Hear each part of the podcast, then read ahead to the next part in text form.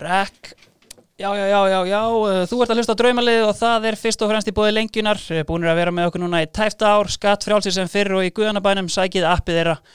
Svo þægilegt að stilla upp í seðil hérna og njóta síðan bara helgarinnar, uh, Session Kraftbar, þeir eru ennþá í bankastrætinu, eru núna að vinna í endurbótum meðan það er lokað. White Fox og Skruf, þeir stopp ekkert og aldrei verið mikilvægur að bössa sig upp núna í COVID, fjartjálfum.is, heimaefingarnir hjá Agli eru styrlaðar. Starfsfólk draumaleysins var með harsperur í fjóra daga eftir fyrstu heimaæfinguna en allir eru að koma til núna og, og standið er að skána og svo er það Gleisir Gin, besta gini í sölu og eru þetta gjóðsannlega að breyta leiknum með létt gininu í melabúðinu og, og svo Sútöp Reykjavík, menniti sem taka seðlana af ríka fólkinu til að geta fært efna minna fólki geggjaða afslætti. Modern Day íslensku hrói höttur er það sem það er kallað Egil og Jökul þessa dagana en talandum hróa þá er við mannandi þáttarins öllum hnútur kunnur í skýriskógi. Eftir að hafa verið einn efnilegasti skíðamæður Akureyrar tók hann fótboltan föstum tökum á úlingsárunum og eftir að hafa verið besti leikmaður Íslandsmótsins árið 1989 hætti hann við að fara í lögfræðinám í Reykjavík og skrifandi samning hjá þáverandi stórliði Nottingham Forest í eftudeld á Englandi og var þar með fyrsti káamæðurinn til að vera atvinnumæður í fótbolta. Hann spilaði undir stjórnins magnaða en umdelda Brian Clough en aðstofamaður Clough sagði ein af ástafanum fyrir því að við sóttum hann er út af hvernig hann liftir boltanum yfir bakverði. Hvað svo sem það nú eiginlega þýðir. Okkar maður byrjaði tíma sinn hjá Forrest gríðarlega vel og var einn af þúsund Íslandingum til að fá viðnefnið Iceman á erlendri grundu en eftir kveitubröðstaðan að tóka hallundan fæti og lítil sem engin spiltími fannst.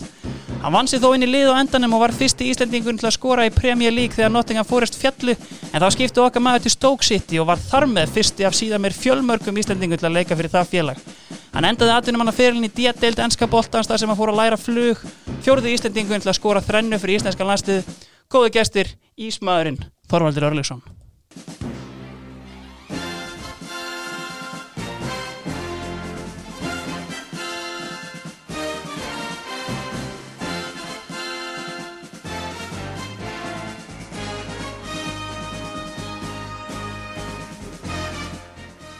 Blessaði Þorvaldur. Sælvertu. Voru ekki allar bara staðrindir á hreinu þannig að það? Jú, mestuleiti. Ég held að einn kannski að frá Káa, ég veit nú ekki, ég held að Gunnar Gíslason hafi nú verið fyrst svona atvinnumarn okkar. Já, það. Svo hann hafi kannski farið í Káar, þá tölum við alltaf um uh, Gunnar Gíslason og þeir bræður alltaf Káamenn. Já, algjörlega. Herru, uh, flýð, ertu með enga fljómansréttindi eða? Ég kláraði þessum tíma, ég hef svona flugullunum þar, það var svo sem...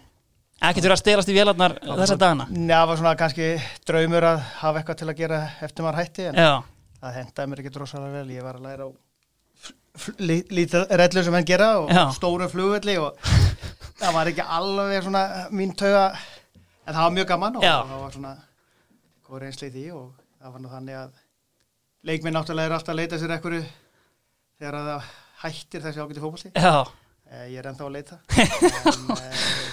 En uh, verkefliðsfélag okkar náttúrulega sá til þess að menn ítt á mönnum í að reyna að koma í eitthvað og borguðu það og já, það var alveg þannig að, veist, hérna, að því að náttúrulega eins og þetta er og var náttúrulega þá að veist, minni peningur er alveg í dag en fýtt peningur en, en einmitt kannski sérstaklega frá þessum tíma þegar leikmenn klára veist, hvað í fjandanum á ég að gera einhvern veginn. En það var alveg, veist, verið að íta mönnum í svona þessa átt. Já, ekki spurninga, náttúrulega, náttúrulega gríðuleg fjöldi leikmanna sem er Einmitt. hverfur í hitt og þetta og það er ekki allir sem komast fyrir að halda áfram í, í innan um verið fótbolta Já, og menn svona reyni í það þess að menn svona miskoður að hlusta en mm. verkefliðsfélag leikmanna á Englandi hefur alltaf verið alveg gríðalega stert alveg frá 1970-72 þegar menn 72-3 voru menn og brutu þann stóra ís að hafa ekki l- l- l- hvað að segja, launa þak og Já, já, já. opna þar og það breytist náttúrulega gríðalega mikið út frá því en algjörlega. verkefliðsfélag hefur alltaf verið og er enn gríðalega stert Já, klálega. Herri, Session Kraftbar eru með okkur eins og ég kom inn á áðan þeir eru að nýta COVID-pásuna í að betur um bæta allt saman. Það er verið að sækja í endurmentun og fá inn skoðanir fleiri kennara og úttekt á bjórskólanum svo hann uppfylli alla ísástaðla og annað. Ásið með ásarlákana getur ekki beðið eftir þetta fara alltaf stað. Sko Þorvaldur, ég baði um að hérna, rifja kannski svona aðeins upp uh, uh, hver er svona blöytasti klúburinn eða svona þá klúbur sem átti sjaldnast missa af mórölskum. Var svona einhver, eitthvað tímabil eða, klúbur sem kom upp í hugan þar? Ég held að svona, það er miskil alltaf þegar maður fyrir út í þessu umræðu. Vissulega á öllum tímum en því alltaf í gamla þetta var meira svona hins en jú, það er náttúrulega mismunandi eftir hvaða klubbum og einstaklingur að því Mm. en það er náttúrulega var stór hlutað í klefin í Englandi þegar þú ferðin í það er erfiðast að aðlagast í fótboltan á þessum tíma fannst mér að, að það er klefin og þú verður náttúrulega aðlagið að því og það er tekið á á á að menn mættu og stundu sína vinnu uh, vel mm, og það var engin afsláttur í því. nei, Það var náttúrulega til dæmis að Forrest var náttúrulega var Clough mjög ánæður og mjög duglegur í því að íta á mönnum út í að skemmta sér og Einmitt. tók liði oft í helgaferðir og hafði gaman af því og mm, taldi það vera stóran hluta af því og Mm. hann var svo sem ekki að fela það heldur nei, en ég held að við getum svo sem farið í alla klúban sem ég verið á það var, það var alltaf tími og staðu til þess að taka já. góða skemmtun en, en það líka hjálpaði til En eins og þú segir, sko, klöffarinn, var hann mikið bara síðan, þú veist, að því að oft er þetta kannski að þjálfararnir svona reyna að setja einhver svona boundary og svo annað, en var hann bara full on með í, í stemmingunni eða? Ég myndi kannski að full on en, en, hann svo sem eins og segi, þegar menn brjóta og er ekki þá fengur menn líka að finna fyrir því Já. en, ég held í eins og í hans tilfelli það voru margar skemmtilega ferðir og, og hann gæti oft og tíðan fórnað leikjum fyrir það og, og tók okkur til Jersey eða yfir á Meilandi í helgaferð og þá var hann mjög sáttu með að vel skemmt sér og, og það er náttúrulega frækt allir þessi jóla Einmitt. veislur sem eru, var mjög stór hluti af því að menn tóku vel á því og hjálpaði munum saman og svo þurftu menn að hafa fyrir því eftir það Já, klálega. Herru, uh, liðið, uh, við stillum hérna upp bara í uh, grótart 4-4-2, var erfitt að velja þetta? Já og nei, það er svona eftir hvaða línu maður fer í öllu, ég held að allir sem hafa spilað með mörgu leikmönnum að það eru margir sem komið til greina og í hvaða línu þetta er svona meira í bæði staðan og, og, og kerfið og svo einstaklingin þeir sem er hérna spila með sem eru uh, mjög miklu góði leikmenn, Mm leikmenn sem hafa spilað á góðu há- háu leveli. -hmm. Ég átti náttúrulega frábæra leikmenn sem hafa spilað með hérna, heima bæði á Káa og svo fram. Já, sem hefur vissulega geta verið þarna líkinni, félagskapur og annað þýrið. En nei, ég hugsa ekki. Svona er, er, eftir að hafa hugsað þá var svona eitt, tveir sem að vissulega hefði líka geta komið að inn. Algjörlega. Herru, markmannstaðan er í bóði Gleisir Ginn, léttginni hjá Gleisir er auðvitað að slá í gegn, ekkert í líkingu við uh, testalösu markmennina. Jólin á næsta leiti það verða sennilega öll jólabóð bonnuð sem er reyndar ákveðin blessun en þá er nöðsynlegt að eiga byrðir af Gleisir. Sko, Tóti, áður við förum út í markmannin sem var fyrir valinu og, og, og kannski aðra sem komið til greina. Þú átt auðvitað leik í, í marki. Já, ég á leikimarki. Hvað hérna, þú veist, var þetta eitthvað sem að hérna dróstu bara styrsta stráið og fórst í marki eða voru einhverjir markmannstaktar í þér? Gríðarlega markmann. Eina sem kannski á galli við mig sem markmann að ég hafði ekki nægilega hæð. Ég ætti erfitt með að kannski ná alveg upp í slána. En og uh, krossar á, á fjær voru alltaf vandræði. Já. En uh, það ástæður því að hérna ágættu vinnu minnu Haugur Bragarsson var aðal markmann á hérna Káa. Mm. Þjálfur var Gustaf Baldursson. Og uh, hann hérna, við vorum með Varamann sem er Jónas Þór Guðmundsson og hann var uh, mjög efnilega og góð markmann. Hann var Mm. stressaður. Já, Hann er enda lögfræðingur í dag og Já. hátsettum maður í ö, stóru fyrirtæki og hann sé ekki efstressaður því. Hann átti mjög erfitt með að fara inn og gæti oft ekki reyma skóna fyrir stressi. ég skil. En það kom þá upp stað, við varum að spila held ég við Vestmannegar og uh, Gústi, ég var svona inn út úr liði og ungu strákur og ég var til að spila hvað sem er og spila hvað sem ég klári, ég segi ekki spurning.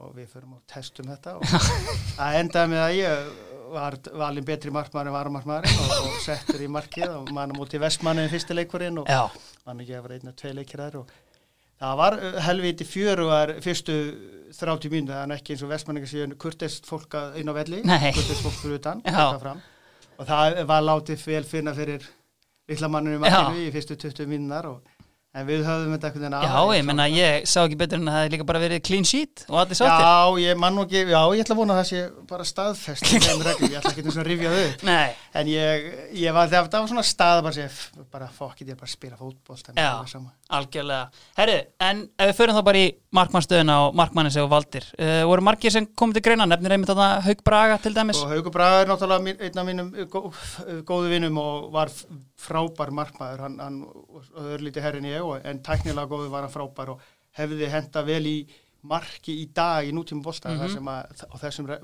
tíma erum við rifið upp að það mátti Senda hann, markmann, en gæti nú ekki tekið hann upp. Og Nei. ég held kannski hvort að ég, ég byrja að spila að mann mátti boppa bóltan út um allt en, en Hauk var mjög góðu markmaður og, en Brús Gröbalar er svona sá markmaður, ég var svo spila náttúrulega mót honum þegar hann spilaði við Liverpool. Mhm, og hann svona kom óvænt inn til okkar til Oldham mhm, hann voru með ágættan framkvæmtastöður sem Níl Vornok ég veit nú þá ég vil nú setja gæsalappir yfir þetta ágæta. En hérna sem er líklegt skrítnasta persón sem ég hitt á æfinni uh, gróflega kemur inn og, og spila nokkra leiki með okkur og, og upplifilsi á því bæða vissulega var þetta svona lokferðlans já, en hvernig hann spilaði og hvernig er það til dæmis það í leik eins og England þar sem Miki var nú kross og annað bolti inn í, í box og annað að hann breytti svolítið sína á sko ef að bolti kom inn í box þá fóru bara leikmenni burtu, við vorum bara fannir að sækja því Já. hann ætlaði bara að ná honum.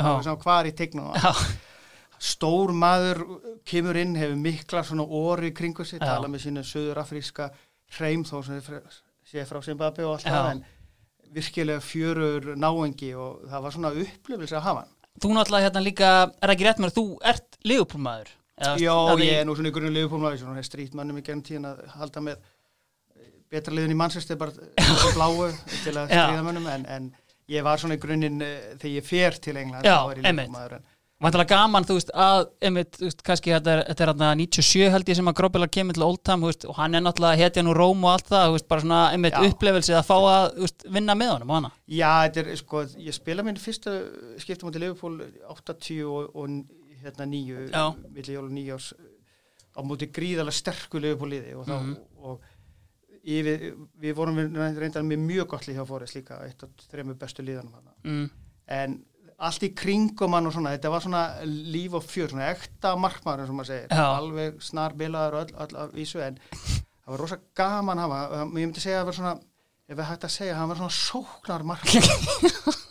ég veit ekki alveg hvernig hann myndi höndla í dag að senda bak og lappirnar alltaf, Já. en hann myndi öruglega leysa það. Mm Af Því að, þá má ekki gleyma, hann kemur inn í Liverpoolið og er að taka við að Pat Jennings sem var nátt, nei, hérna Ray Clemens fyrir og það var náttúrulega rosalega erfitt að skipta og taka inn mann eins og hann og breytti rosalega svolítið fótboltanum á þeim tíma Mhm. hvað var það markmenn já, og síðan var náttúrulega mikið í kringum að hvað var þar kom upp mál eins og svindlmáli með að Já, já. hann hefði svindlað við leik og annað því og hann er náttúrulega komin hann til Oldham í rauninni kannski til að borga niður hann einhvern lögfræðikostnað sem að hann fekk á sig þarna í kjálfarið á því, sko. Já, eflaust hann og Níl Vornak hafa eitthvað neginn náða að snýða það eitthvað neginn, ég vil ekki á rétt en, en hann, það var svona gaman að koma inn, Óldan var svona klúpur sem hafði náð hæstu að hafði upp í úrastelt og var svona komið niður að síðustu metruna því ég kem, eh, svona vestu mistök sem maður gerir lífinu. Já, einmitt, nánar það síðar.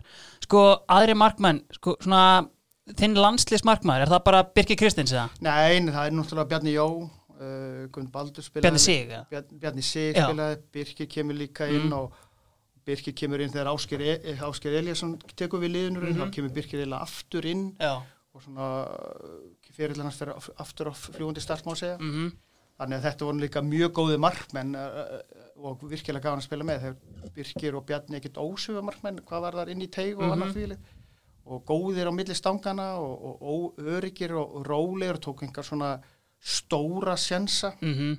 uh, rólegir menn utanvallar Já, og fínir drengir. Eru gjörsanlega ólíkir þessum brúskrafuna og ég myndi segja að þeir, þetta er svona að þessum íslenskum var það náttúrulega Bjarni og Birkir og svo Mm. Haukur segi ég alltaf í, í þessum sama standard þar sem Haukur hafði ekki var þessa ekstra hæð já, algjörlega. Síðan auðvitað í Forest er ekki kongurinn þar Mark Crossley sem er í ramanum. Mark Crossley og við vorum með Steve Sutton Já. eh, eh, hérna, við, köll- hann var kallað reynda Steve Sutton var spilaði og var kallaður One Night Steve Sutton því að hann átti mjög erut með að fá krossa vinstri og auga hans var aðeins hann átti erut með að sjá á vinstri Já. hann var erut að taka krossa á vinstri Já, það var ágætt smartmann Mark Crossley er ekta barnsleg gæði sem að þótti svopin ansi góður já. að Gæði sem var einhvern veginn aldrei í standi nokkuð tíman á sínum ferli. Herði, ég skal segja þér að, að viktinars var mjög sjaldan við fyrir þryggjastafa tölum en ég skal segja þér að vinstri fót það, hann, vinstri fótur var eitt svo betri sem til hann Já, það. með frábæra vinstri fót Já, mjög góðu markmaður mhm, og er raunni, er raunni svona líka uppáhaldskarakterinu mínu líka þannig Já. að tala um að sé líflegur og hann misti af undanúsleik í byggar því hann var tekinn fastur á 50 degi Barsley og hann er að hún er þótti gaman að skemmta sér og það var gaman að skemmta sér með hann líka. já, ég trúi því. Herru, færum okkur þá bara upp í vörnina og vörnin er í búið fjartjálum.is. Það er engin betri tími heldur en akkurát núna til að verja þig fyrir auka kílóum eins og fjartjálum gerir. Stýttist í jólin og menn verða að vinna sér inn þetta leifi sem að, já, til að leifa sér, það segi ég alltaf.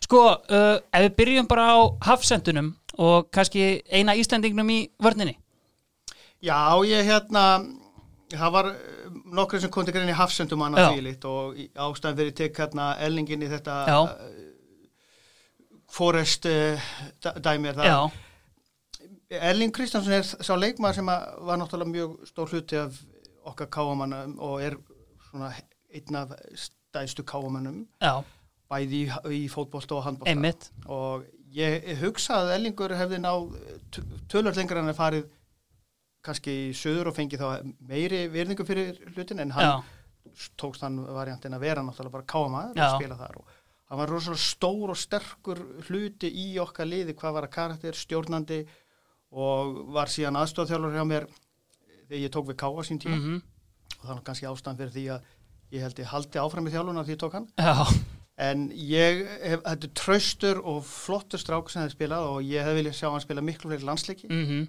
og ég hugsa að hann hefði gert það ef hann hefði Verið fyrir sunnan? verið á öðru liði á, alveg mm pottið því að þessum tíma þá var náttúrulega mjög erfitt að fara lang- langa vegalendir eins og menn fannst. Og ég, þetta er eitthvað sem minna uppáhalsleikmannu því og ég held að allir, ok, allir sem við spilum með honum eru sammála því að hann er eh, svona maður sem hjælt mönnum á tánum og var líkilinu í okkar á- árangri. Algjörlega, ef við förum þá bara aðeins í tíman hjá Káa, er ekki rétt að þú kemur inn í liðið 84? Jó, ég kemur í liði 84, er að byrja að æfa svona 83 og er byrja reyndar að fyrir að mæta í kringum meistralunum þegar ég var gutti í þriðjaflokki bara Mhm. til að það vantaði mann á æfingu þá var ég mættur á fyrir utan og tilbúin í skóna Mm og ég fekk að fljóta með þegar það vantaði Já, þannig ég var svona að reyna að tróða mér inn á mjög lömulega máta. ég kom inn á þann sko, þú varst náttúrulega líka í, í skíðunum sem er kannski svona, veist eh, einhverju leiti svona flagskipið á Akureyri sko, veist, bara að vera fótboltamaður á Akureyri svona, veist, bæjarfélagi kannski veist, snýst lífið eins og við kannski byrjum saman við Akranes það sem að allt snýst um fótbolta, það er bara miklu meira enn í gangi og ég meina aðstæðan þarna hún hefur vantilega verið bara grín með að að hún er ekkert sérstök í dag eins og Já, ekki spurning, hún náttúrulega er uh, heimin að haf með hvað það var þá. Já. Við sáum náttúrulega ekki þóttbóltaðall í marga mánuði. Já, skýði náttúrulega var rosalega stór hluti af hérna, okkar uppeldi unga drengja og, og stókna á Akureyri. Mhm, og handboltinn svona skiptist í það en ég valdi skýðin og við vorum stór hópur drengja, vinnahópur sem voru mikið í því. Mhm. Og menn stemdu hátt og la- langt í því. Já. þetta var vel haldið utanum þetta góði þjálfarar, skemmtilegt umhverfi Já, stutt að fara, tímyndur upp yfir og góð afsökun til að sleppa skóla það þannig að þetta var svona draumur í því já. En einmitt síðan náttúrulega, þú veist, einmitt farið þarna neður í, í hérna, aðra deildina þá, þar sem að þú ert að tekur leik í marki og annað og þetta er kannski svona ringl milli efstu og næst efstu deildar. Sko, 88 þá er þið konur upp í efstu deild og þá tekur Gauji við. Uh, Gauji Já. náttúrulega, veist, ekki þarna, veist, eiginlega ekkert búin að þjálfa, búin að vera þarna með skagan ára undan, en svona, veist, hvernig kom hann inn í þetta á, á þessum árum, svona, veist. Sko þegar við förum niðurinni þá er eins og er rosalega kynnslóðaskipting og þá kannski er drengir sem ég og fleiri á mínum aldri og okkar svona kjarni sem fær að taka við keflinu og Gustaf Baldursson tekur við þjálfuninu, var með þjálfun að- þegar við fjallum Mm og þá fórum náttúrulega mjög stórir póstar frá okkur. Og þá eins og kemur síðan eftir að Gustaf hætti þá kemur Hörður Helga skamaður Mhm. og, og rauninni svona stabíla svolítið okkar eh, sín á það að halda áfram og halda þessum kjarna. Já, og þá kemur aftur eins og Ellingur er svona einn af fáum smáttastorm sem held áfram já, af þessum strákum. Og ungur maður náttúrulega þenn tíma. En uh, Gauji kemur inn hann náttúrulega er að þjálfa skagan fær ekki starfi áfram og er tekinn til okkar. Og hann lendir inn í mjög skemmtilegum hóp já, og nær svona vel inn á mannskapin og hann er uh, mikil metnað maður á þessum tíma líka og kemur inn með krafti og metnað og þannig að það hendaði okkur rosalega vel mm Er þetta ekki frekar ungur hópur líka eins og þú segir sko? Jó, mjög ungur hópur, Já. greiðalega ungur hópur og, og við fáum á yngri stráka, við fáum Haug Bragason, hann er nýbúin að fá hann árun undan, við fáum Gauta Lagstad sem að kjósa sem efnilegsta leikmann Íslandsmálsins og frábær fótboltamaður, mm Antoni Karl kemur frá Já. Val og, og Jón Greta kemur líka frá Val, þannig að þeir, þessi aldur, fætti 60 saga allir á svipum aldri, -hmm. þannig að samrýmdin og hugafari var bara frábær. og það er einmitt vantilega það sem að sko, þú veist, gerir þetta, þannig að 88 þú veist, ég lendi held ég í fjórða sæti og bara mjög fínt tímabil fyrir Káa uh, árið eftir, það er viðtal við þig hérna rétt fyrir móta sem þú spurður út í gengi lesins og þú eiginlega vilt vara fólk við ómikið til bjart síni þannig að þú veist, menn hafa kannski ekki endilega búist við því að vera að fara í titilbaratu og hvað þá taka titilin hann 89 Sko 88 eigum við séns á Europasæti þanniglega séð. Við spilum við fram held ég á lögadagsvelli mjög sögulegan leik. Jóna meittur í þann leik og sitt á bekknum og Gauji er á skýslu. Já, Og allir hitt upp en áður en ég veit að þá er Guðjón búin að klæða svo fötunum. Segir ég er farin inn á, hann fer inn á. Eftir 30 sekundur er búin að strauja Guðma Steinas niður held ég. já, Og, nei hérna Gumma Steins. Gu- uh, já, Já. og hérna fær guldspjald ég held að það verið svona tværa hálfmyndi síðan að hann fekk afturguld og taka eitthvað annan niður. Þannig að hann fór í styrtu og Evropa draumur nú. Já, einmitt. En síðan, úst, bara náttúrulega tilfinningin einhvern veginn að vera með uppeldisfélaginu besti leikmaður mótsins og, og vinna titilin ég menna, veist, auðvitað síðan náttúrulega tíu ári atvinnum en sko annað en veist, að einhver leiti hápunktur á ferlinu með það? Já og nei og jú, jú alltaf það er, ég myndi segja náttúrulega að hafa hérna marga hápunta í þegar þú ert búin að spila í 15-20 ár sko. já, en þetta var mjög skemmtilegt því að Mhm. það er eins og alltaf þetta gekk vel við liðum til landi, við komum þéttur hópur og þetta var svona uh, síðasti leikurinn spennandi og Mhm. það var svona margt í þessu sem að minningin er góð og hópurinn náttúrulega skapar það líka sko. Algjörlega. mm herru, hver er þá með Erlingi í hafsendinum? Er, það er enginn annan en það er Des Walker Já. og ég held að Des Walker þegar ég ken til Nottinga þá er hann náttúrulega svona aðalstjarnan og og landslísmaður og fór síðan eh, til Sampdoria Mhm. fljóta hérna eh, rauninni einna svona frábær hafsend og varnamaður Mm og skemmtileg típa mörguleiti eh, arrogant. Já, og þá meina ég mjög Já. og var svona fýtt félagi. Mm uh, var okkar aðal stjarnar á sann stuga PS og, og var svona, svona mikill leiðtói þrátt fyrir það að vera kannski ekki svona háar inn á velli kannski, skil, já. En uh, hafði gríðalega hraða. Mhm. það var hans svona mesti kostur. Mm hann með fína vinstri hótt mörguleiti en hann var ekkert átti síðan miklum erfiðleikum hann fætti til Ítali reglan breytist akkurat þarna. Já, það er að segja bara sendi bakk mm -hmm. það háði hann svolítið líka Já. líka fara til Ítalíu fyrir englending kemur svo tilbaka fyrir til Sheffield United Sheffield Wednesday, Wednesday já. þá trefa Francis tegur hann og var þar í mörg ár. Ég hitt hann síðan á bara tilvunni fyrir einu og hálfa ári þá er hann þjálfað hjá úlingarið hjá Derby County. Já. En hann er svona um, líklega einna betri hafsum sem ég spila með. Hann er einmitt sko að því hún nefnir þetta sko Gary Lineker sagði þetta líka uh, hann er einmitt með hann líka í, í sínu draumaliði. Sko bara, veist, ef hann er settur í tímavél og bara uh, topplið í dag uh, veist, myndi aldrei eiga sjans er hann út af bara bolta meðferð sko. Nei, sko, eins og segja, hann er var með fína vinsturóð Mhm. en sko sendingur hann svona tilbaka því að hann náði alltaf sendurum, hann var alltaf fljótar en þeir, hann var alltaf undan þeim, hann var með góða skallatækni og hann var alltaf undan og gætt komið boltanu þá til markmann sem í spil. mm Ég hugsaði samt sko ef hann hefði aðeins lengur uppi og, og, þá hann við- kannski náði en hann var settur í bakfyrir á Ítalíu sem hann henda honum alls ekki. Nei, en já, ég hugsa oft menn að velta fyrir þessu nýju reglum ekki en ég hugsa svona leikmar hans getur hefði nú geta aðlaða sér betur. mm algjörlega Sko þú fer til Skýri skóar, Nottingham eftir sísoni sem verði Íslandsmeistar þú veist aðeins búin að fara í einhverjar vettvangsferðir á miðju tímabili, var það ekki það? Jó, ég fer til Englands eh, hérna, mitt sumar, það er pása hérna, landsleik hér í gangi. Uh, ég var ekki valið landsleishópin og ákvað að fara hérna með búðan að træal. Átti Mhm. reyndar að fara til Nottingham í um veturinn, ég var þá allan veturinn, spilaði með þýskaliðinu Paderborn Já, og átti síðan að fara hérna í lok tímböfils í Englandi, síðan kom því miður að hilsbárslýsið einmitt. Og það svona stoppaði svolítið. Já, og menn svona fóru að þess að hæga gang með það og ég fer út fyrir að træjal og reyndar var bóðað í landsleik líka reyndar akkurat á leiðinu ég var á flóðart og bóðað landsleik, ég sést ég koma mm þá settum mig þryggjarleikja bann í landsleikinu, það var heldur hindi en ég fer út og sp- er svona svo kallað drauma træjal já, og svona reynsluminn líka þegar maður setjum tíma að sjá stráka fara á træjala að, að fara á træjali viku er ekkert fyrir alla. Nei. og það er líka að vera ótrúlega heppin mm, og ég spilaði þrjá leiki og skoraði sex mörg sko. Þannig að ég, það er ekki hægt að hafa betra træjal sko, ég, þó ég segi sjálfur frá. Mm þannig að ég er á toppstandi hérna heima fyrir á góðum mómenti, spila þeirra byrja undirbúinstibili þannig að hendaði mér vel Já, en þrátt fyrir að þá var þetta svona stressvalæti við, ég og formaður með Stefán Gulluðsson heitin við tökum hérna flug, keirum, lendum á Hýþró tökum bílarabil, keirum beint upp til Nottingham, ég hef aldrei keirt í Englandi, já, Stefán hendi líklanum við mig og segir að ég er bara að að ég keir og við keirum allir inn í Nottingham og svo bara beint á æfingu og, og hitti kallinn og, og við bara beinti og eftir þessa viku þá skrifum við samling algjörlega. Kannski fara aðeins nær mikrofónum bara. Þannig að ég held að þetta svona trial er svona e- eins og bestur á kosið. Já, einmitt.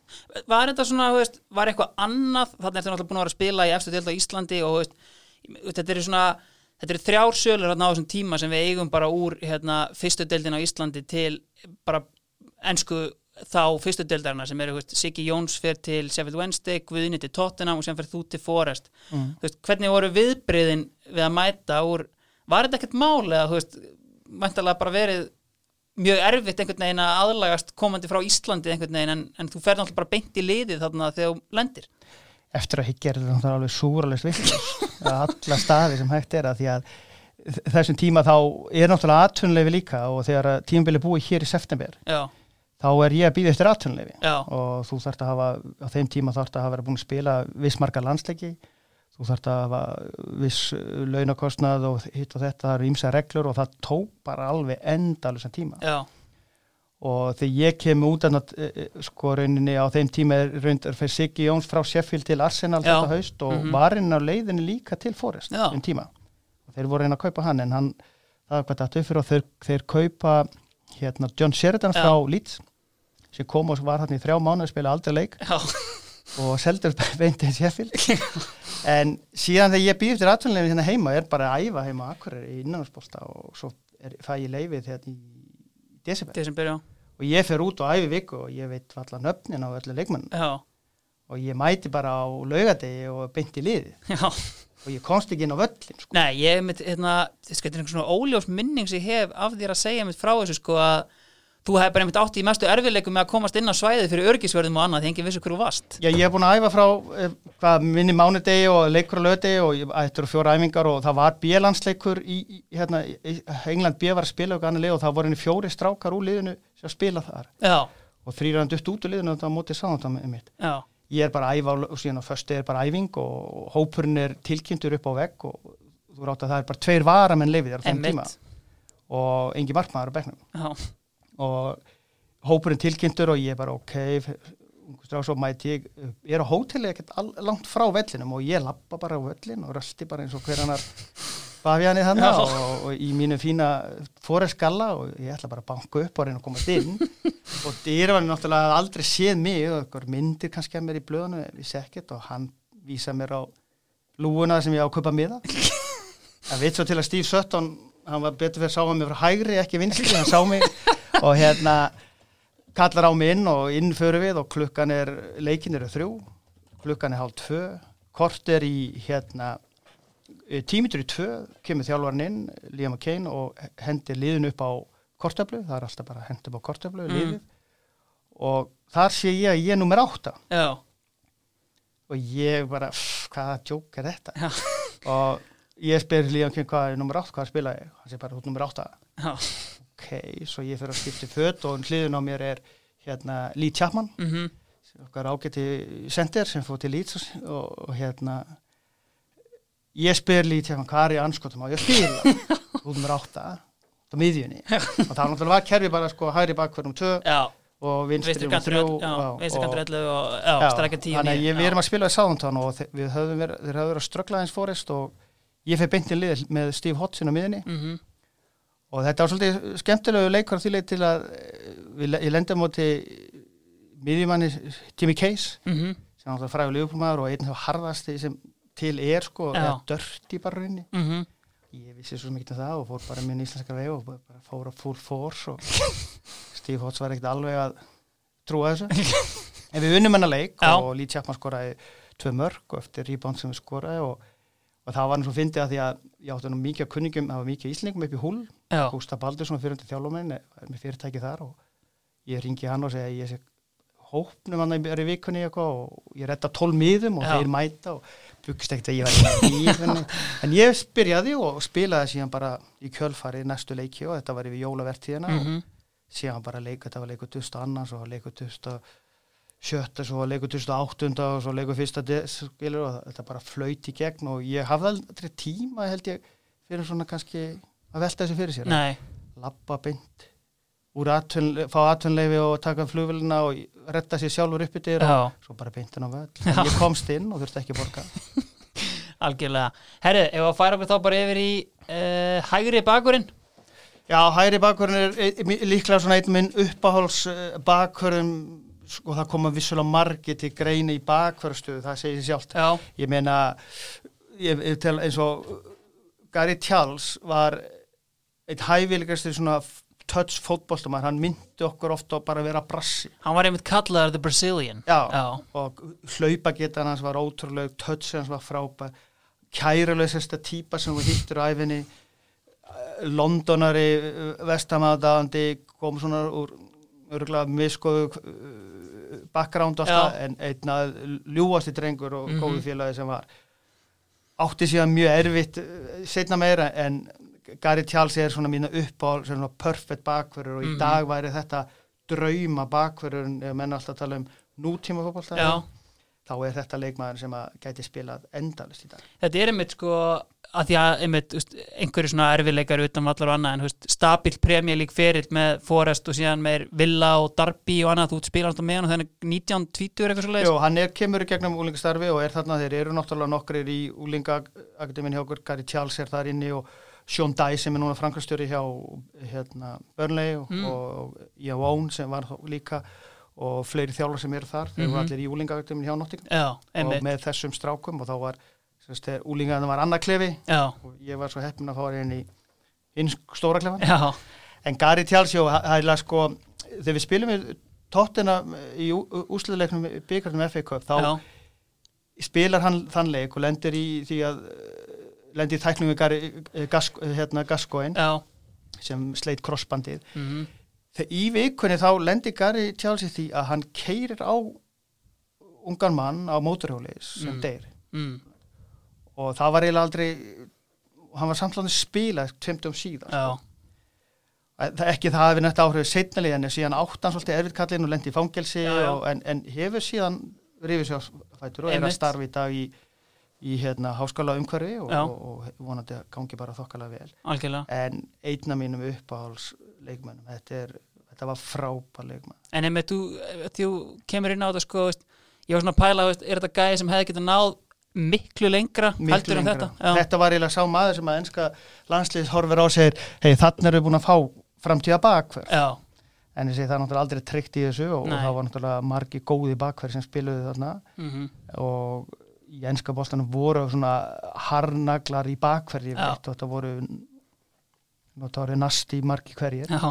en Garri var svona alls ekki í neinum svolítið, hann var það flinkur, hann þurfti ekki að því og eiginlega svona martru fyrir flinka vangmann að lenda á móti af því að Mhm. síðan var hann komin upp í hotn og krossa sko Já. bara nokkur sekundu síðar algjörlega Sko eins og við komum inn á hann, fyrstu mánuðurnir hjá Forrest eru algjörlega draumi líkast og þú spila náðast alla leiki þeir eru komin hérna í undanúrslitin deltabyggarnum, þú spila þá leiki en síðan einhvern veginn droppar bara út úr liðinu og sko að vera settur í kuldan er eitt en, en þetta er náttúrulega bara nánast þú settur í fristikistu og bara út í fjöru og, og læst í átján mánuði. Hvað svona, veist, eins og bara til dæmis að missa af úrslitaleik deltabyggarsins lítur að hafa verið helviti hart. Já, ég, þá kemur eftir að því að það er náttúrulega bara tveir varmenn alltaf leiðir. Ja, og já, þegar þú dettur út úr púlíunni þá er helviti erfitt að koma inn þó Mm. það er 22-3 leikmenn og þá lendur ég að ferðast ansi marga leiki og að- það er, það er var nú eða svona leikur hjá okkur þeir sem sátum marga leiki upp í stúku sem ég upplýðist að þá fari keppni hvar var besta pæið á hvaða velli er. Þannig að þetta var neila þannig keppni en, en ú- ég dett út úr uh, úslileiknum, ég spila undanúsleikin við spilum við Coventry. Coventry.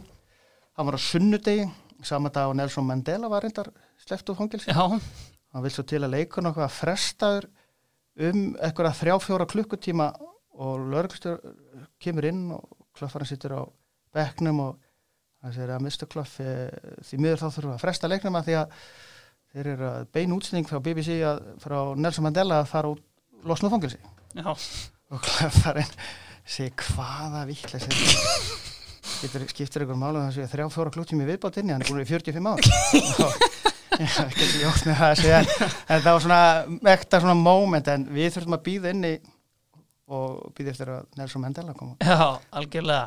En síðan einmitt, þú veist, kemur þessi tími náttúrulega bara, þú veist, þú náttúrulega spilar bara ekki leik tímabilið á eftir 90 Nei, til þá 91 er svona vanga veltur að fara að lána og gera eitthvað annað, Mhm. það var svona öðruvísi system á lánum hann og þá náttúrulega er bara æfa og sp- spila varalisleikina og hérna vera tilbúin ef það kemi en svo náttúrulega kipti nýju leikmenn og annað og þá er oft erfitt að komast inn í púlíina og fyrir utan þá var maður ekki að standa sér þá sjansa sem maður fekk.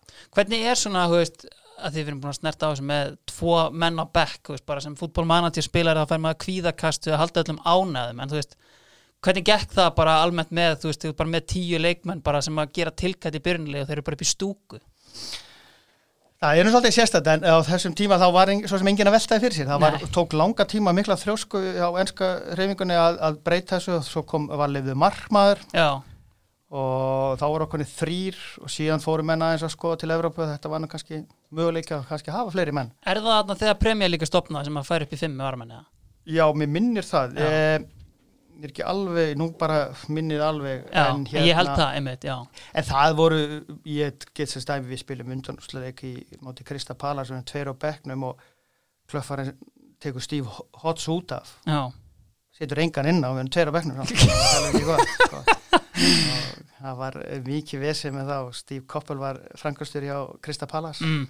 setti inn hérna mótmæli gagvart þessu niðurlægingu og setti engan inn á ég var eiginlega, ég, ég hef átt að skrifa undir með honum það var ég sem var miklu meira heldur en Steve Koppel Það er eitt sem að maður velti fyrir sér svona með hennan tíma og svona gagvart íslenskum fjölmiðlum. Þetta er náttúrulega, veist, þarna er náttúrulega bara, þú veist, max eitt leikur síndur beint í viku eða eitthvað svoleiðis og, og, og menn er ekkert að YouTube highlights og sjá hvernig það standa. Þannig að þú kannski lendir í því bara að tvisar í viku ert að fá símtal þú veist, það sem að bara, herru, hvernig var þessi leikur? Veist, var þetta ekki alltaf svona, veist, og síðan Jó. kannski meir, veist, geggja náttúrulega þegar velgengur en síðan þegar alltaf verið að ringja í þig sko, ég meina, þú veist, náttúrulega bara með einhvern enga fréttarittar hjá degi á Akureyri og þú veist, var ekkert eins og bara var það auka álag að taka við þessum símtölum þegar maður er ekki að spila?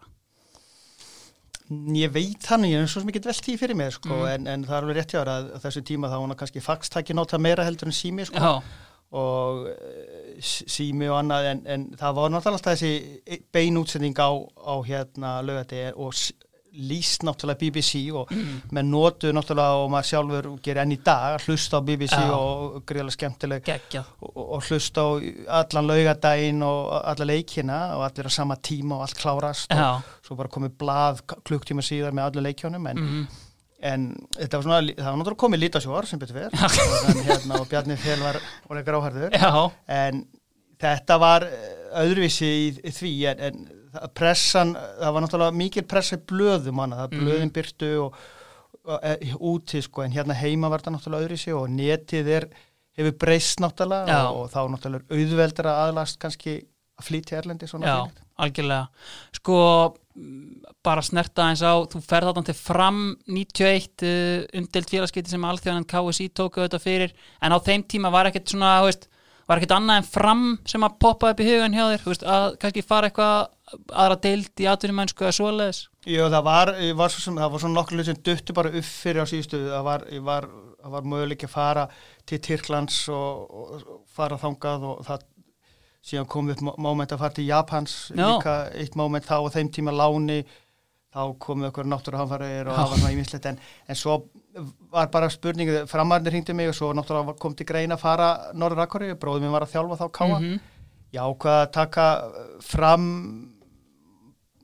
bara, þeir voru í Evropkeppni og þetta var stutt tími til að fara og fekk að spila og, og það var bara ágætis kostur. komstu tilbaka og þú veist, hafði Nottingham eitthvað verið að fylgjast með því sem þú varst að gera hjá fram? Komstu þú veist, með fullt sjálfstörst og þeir bara vissu að spila vel hérna eða komstu bara tilbaka og já, þú ert mættur aftur hérna. Það hjálpar mann náttúrulega bara að komast aftur og lappir að spila. Þegar þú vera úti og spil, fá ekki að spila, þá missur svolítið rytmann og svo snýst náttúrulega um að þeir sem stjórnarliðan hafa trúaðir og annað Já. og uh, IK náttúrulega bara líka í betra standi mm.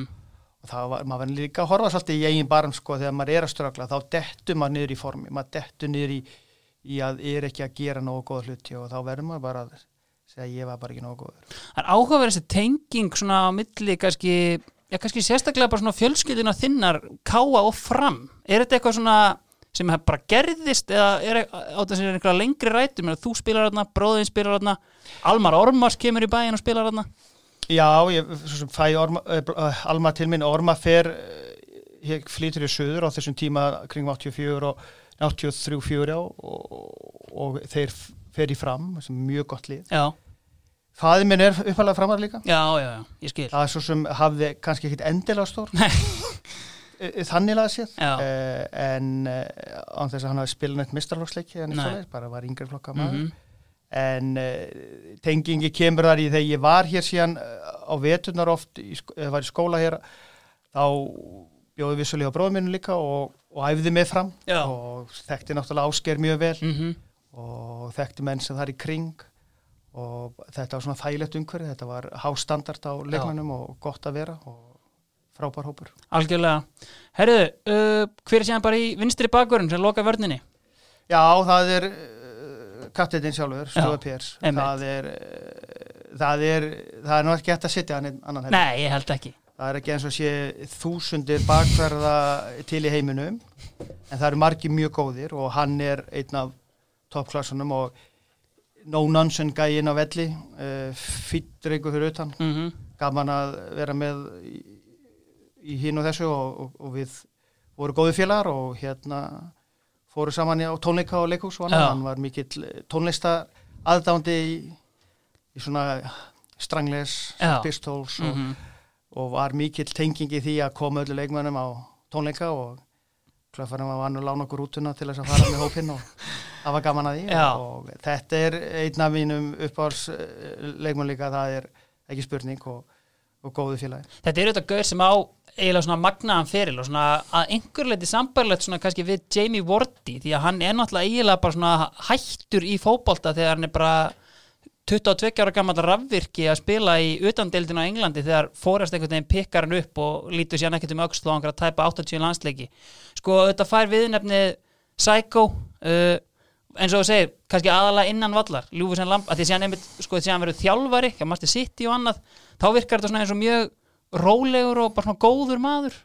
Hann, er- já, hann svona hans verður þannig inn á velli og svona reyður og ákveðin og Já. hann spilar sinn leik eftir því og það er líklega sem hann gerði sinn fyrir góðan. Já. hann hafði þessa einstöku hæfileika sko, hann var, hann var ekkert að blanda geða sína við aðra inn á vellinu. Nei, og það leikur á búin þá var hann fyrstu til að hlaupa út að heilsa eða hann verið góður í COVID-19 núna sko að það að heilsa og, sem að, eh, var, yfirlt horfininn sko. Já, en Ljúfus Lamb og bjóð rétt fyrir utan nottinga með hesta og hænur já, hans og konu sinni og hérna við konun náki sem að var gott að umgákastu fyrir utan völl. En klöffarinn reyði sér mikið á hann inn á velli og fyrir utan því hann Já. var stjórnandinn í klefa og hann var uh, mjög góður leiðtóið þannig sé hvað það, það var ekkert múk sko. Nei. En klúbburum var líka kannski líka rekið þannig að það var einn maður sem reyði öllu. Já, og þú þurftur að fara eftir því. Mhm. Bæði var það slemt og gott en, en það var og hann var stór tenging fyrir klöffarinn inn í klefan Algjörlega, sko eftir tvö sísona þá út í kuldanum, uh, já, fristi kistunni sko þá kemur þetta Premier League síson, fyrsta síson og þá ertu í rauninni bara komin aftur inn í lið og spilar hérna hauga leikjum og fyrsti Íslendingur til að skora í Premier League og annað.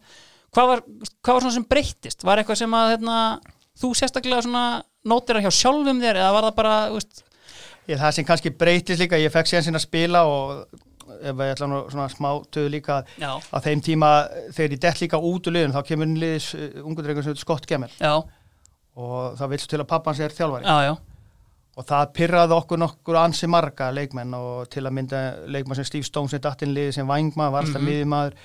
Voru f- þrír, fjóri strákar sem vorum þarna og við fengum svo sem alveg að finna fyrir því að, að Steve, uh, hérna, pappans var þjálfari. Já, og Archie Gemmel var uh, býræfin anskoti Já. orðað þannig. Já. og litli hérna eitra dvergurinn eins og hann kallaði að hann ítti náttúrulega drengnum helviti langt inn. Mm og það voru náttúrulega aðri þjálfarir ekki alveg sáttir heldur eins og Pól Hart var þjálfar aðna setna hjá okkur, Pól Hart endaði sem frankstur hjá Portsmouth og fleiri klúpum -hmm.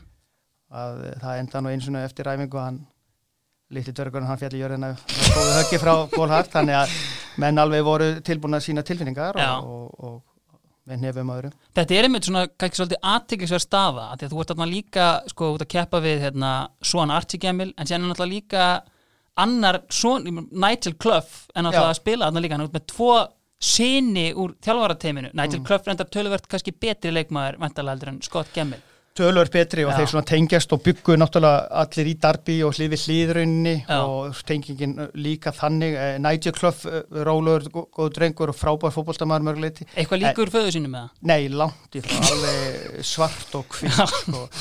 og en hann átti að til þegar það gekk illa skora þá setti klöfur hann bara í hafsendin og, og hafði mikla trú á honum en auðvitað leta hann finna fyrir líka aðeins að minna hópin á að þetta er svona vinn en, en líka hinn veginn en hann var mjög hljóðlátur drengurinn í klefan en, en, en þægilur í öllu og, og, og, og með frábært touch mm frábæra snúninga, mm. frábært í kringu bóksu hana. Það sem háði honum fannst mér alltaf og kannski komið ljóst þegar hann vótið að fitnesslevel hans var náttúrulega e- ekki búið, Nei. finnst mér Já, og hann átti mjög erfitt með að við fengum fitnessþjálfara inn eitt árið og þeir voru reknir tveim, tveim þreim vikum síðara því að nætjur var náttúrulega bara ströggla en einmitt sko að þú kemur inn á hérna sérstætt sko veist, sem pælir maður í sko líka bara svona dressing room bandir og annað þegar þú ert með þennan förðufugl sem þjálfara að mörguleiti og, og, og út með þess að sinni inn í klefa var það eitthvað svona, þú veist, þegar þeir komu inn að þá þögnuðu allir eða eitthvað svoleiðis? Nei, nei, ég held að menn tók allavega eins og sé, hann var eins og Nigel og, og Stewart voru líka svo sem leiðtóri í því að halda þessu góði og þeir voru svo sem ekkert að ana sér, ég held að þeir samt svona innst inni vita það náttúrulega Já, og voru já. svona ekkert að, að pússa á viðkoma strengi við alla Nei, nei. En, en þeir fengu svo sem að heyra það og, og hérna það skadaði ekki orðað þannig að fyrir þá að hafa þessa tengingu algjörlega. Sko, síðasta ári hjá Forrest, er það ekki rétt hjá mér að þú ert ekki á samning? Eða semur bara alltaf viku, viku? ég veit ekki hvort ég að uppljóstraði sko, ég held að að- það klikkaði eitt árið annað aðtunleifið og samningurinn eitthvað neginn hvarf og hefur raunin ekki átt að fá að spila Já, þannig að ég veit svo sem það var aldrei grafin eitt meira upp nei.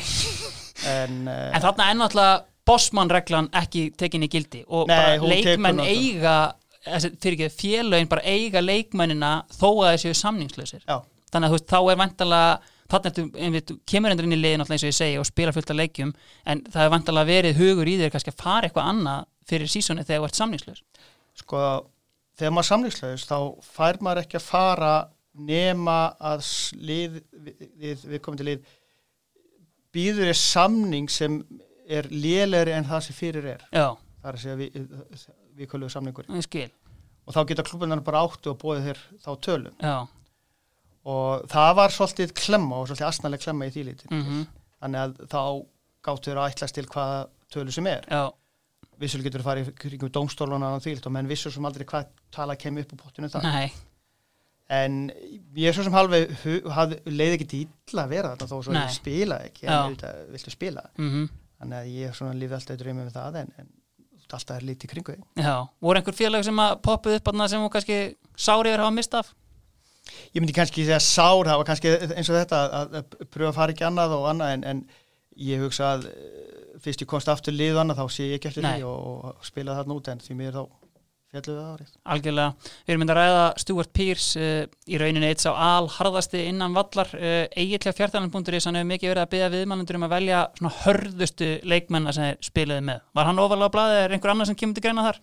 inn á velli held ég að sé nú ekki er, er, er hann að pottið á topp þremur í því Já. að vera einn harðasti og það var ekki hver sem er svo þóra að fara í tæklingu við hann og hann fylgdi vel á eftir í tæklingarnar og hann var líka tilbúin að verja sína liðsmenn inn á velli og inn í kle, klefa ef að eitthvað á bjátaði og það gæti oft verið fætingar eftir leik og í hálfleik að við hitliðið eða var eitthvað upp á bjáta og hann var sá maður sem fór fyrstur í fór í forgang þar og var mjög harður og og það var eins og Rói Kín var náttúrulega líka hafður nú velið þannig en Mhm. það kemur kannski síðar Já, meira í ljós en, mhm en ég, maður, það voru hann er svo sem á topp því, já, ekki spurning algjörlega.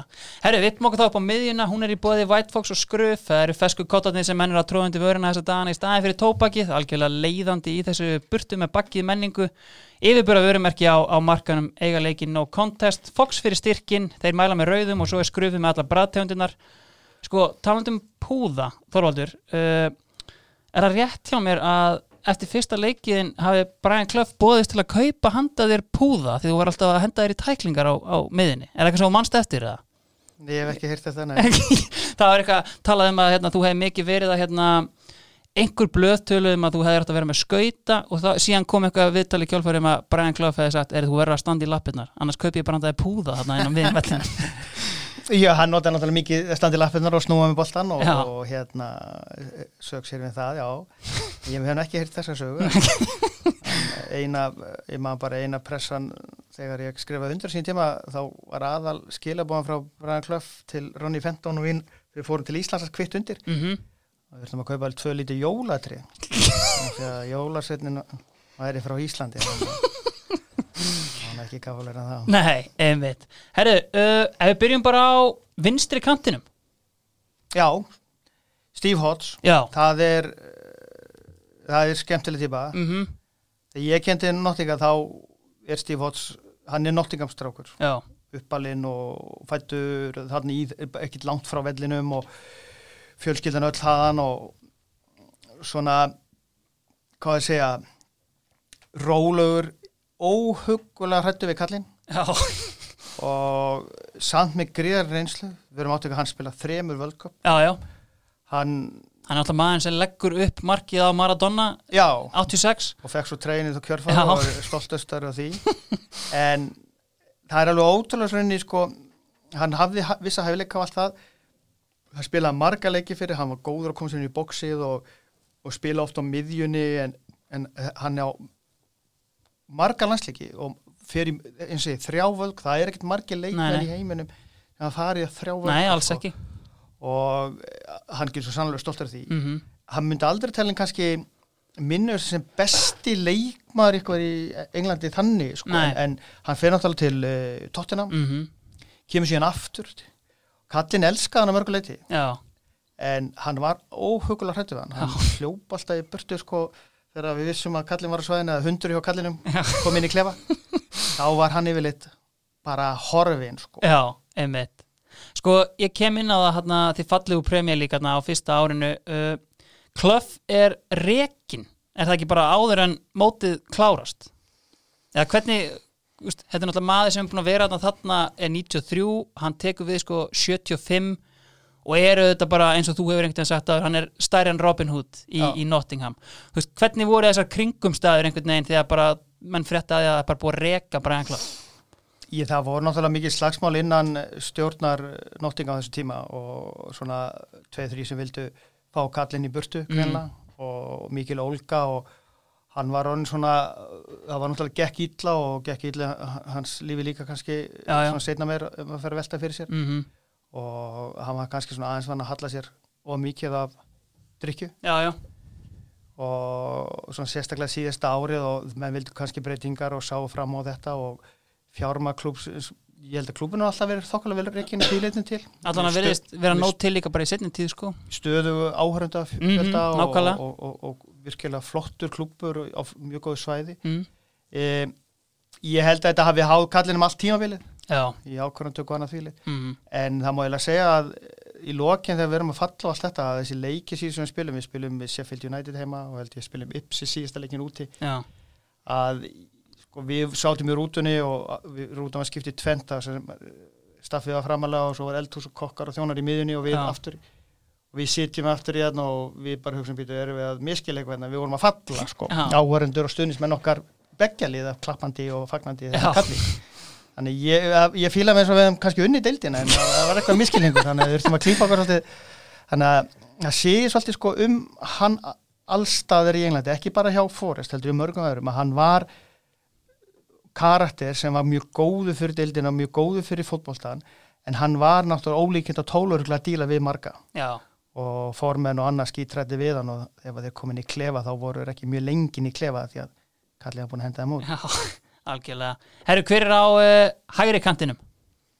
Erðu, ég setti Arda Guðarsson. Já, einmitt Það er á svo sem komið margir eins og í, í líka hérna til grein en af, vildur nú hafa nokkra góða íslenska leikmenn sem að hafa nátt frábærum árangri Algjörlega og spilu la, marga landsleiki með honum og þrátt fyrir að kannski var ekki alltaf góð úslit Nei, nei. í því lit en það sem að gama með eða sem var mi- mikil upplösi fyrir mig því ég fenn fyrst inn í landsliði það eru sterkir karakter og góður leikmenn og vissulega fram á við og það er eins og, eins og Arná voru náttúrulega tæknilega alveg frábæri Mhm. og svona kannski svona fyrstu brautinu í að tæknilega sé góðir fótboltamenn mm leikmenn sem við höfum síðan vera kannski að skapa meira í setni tíð mm.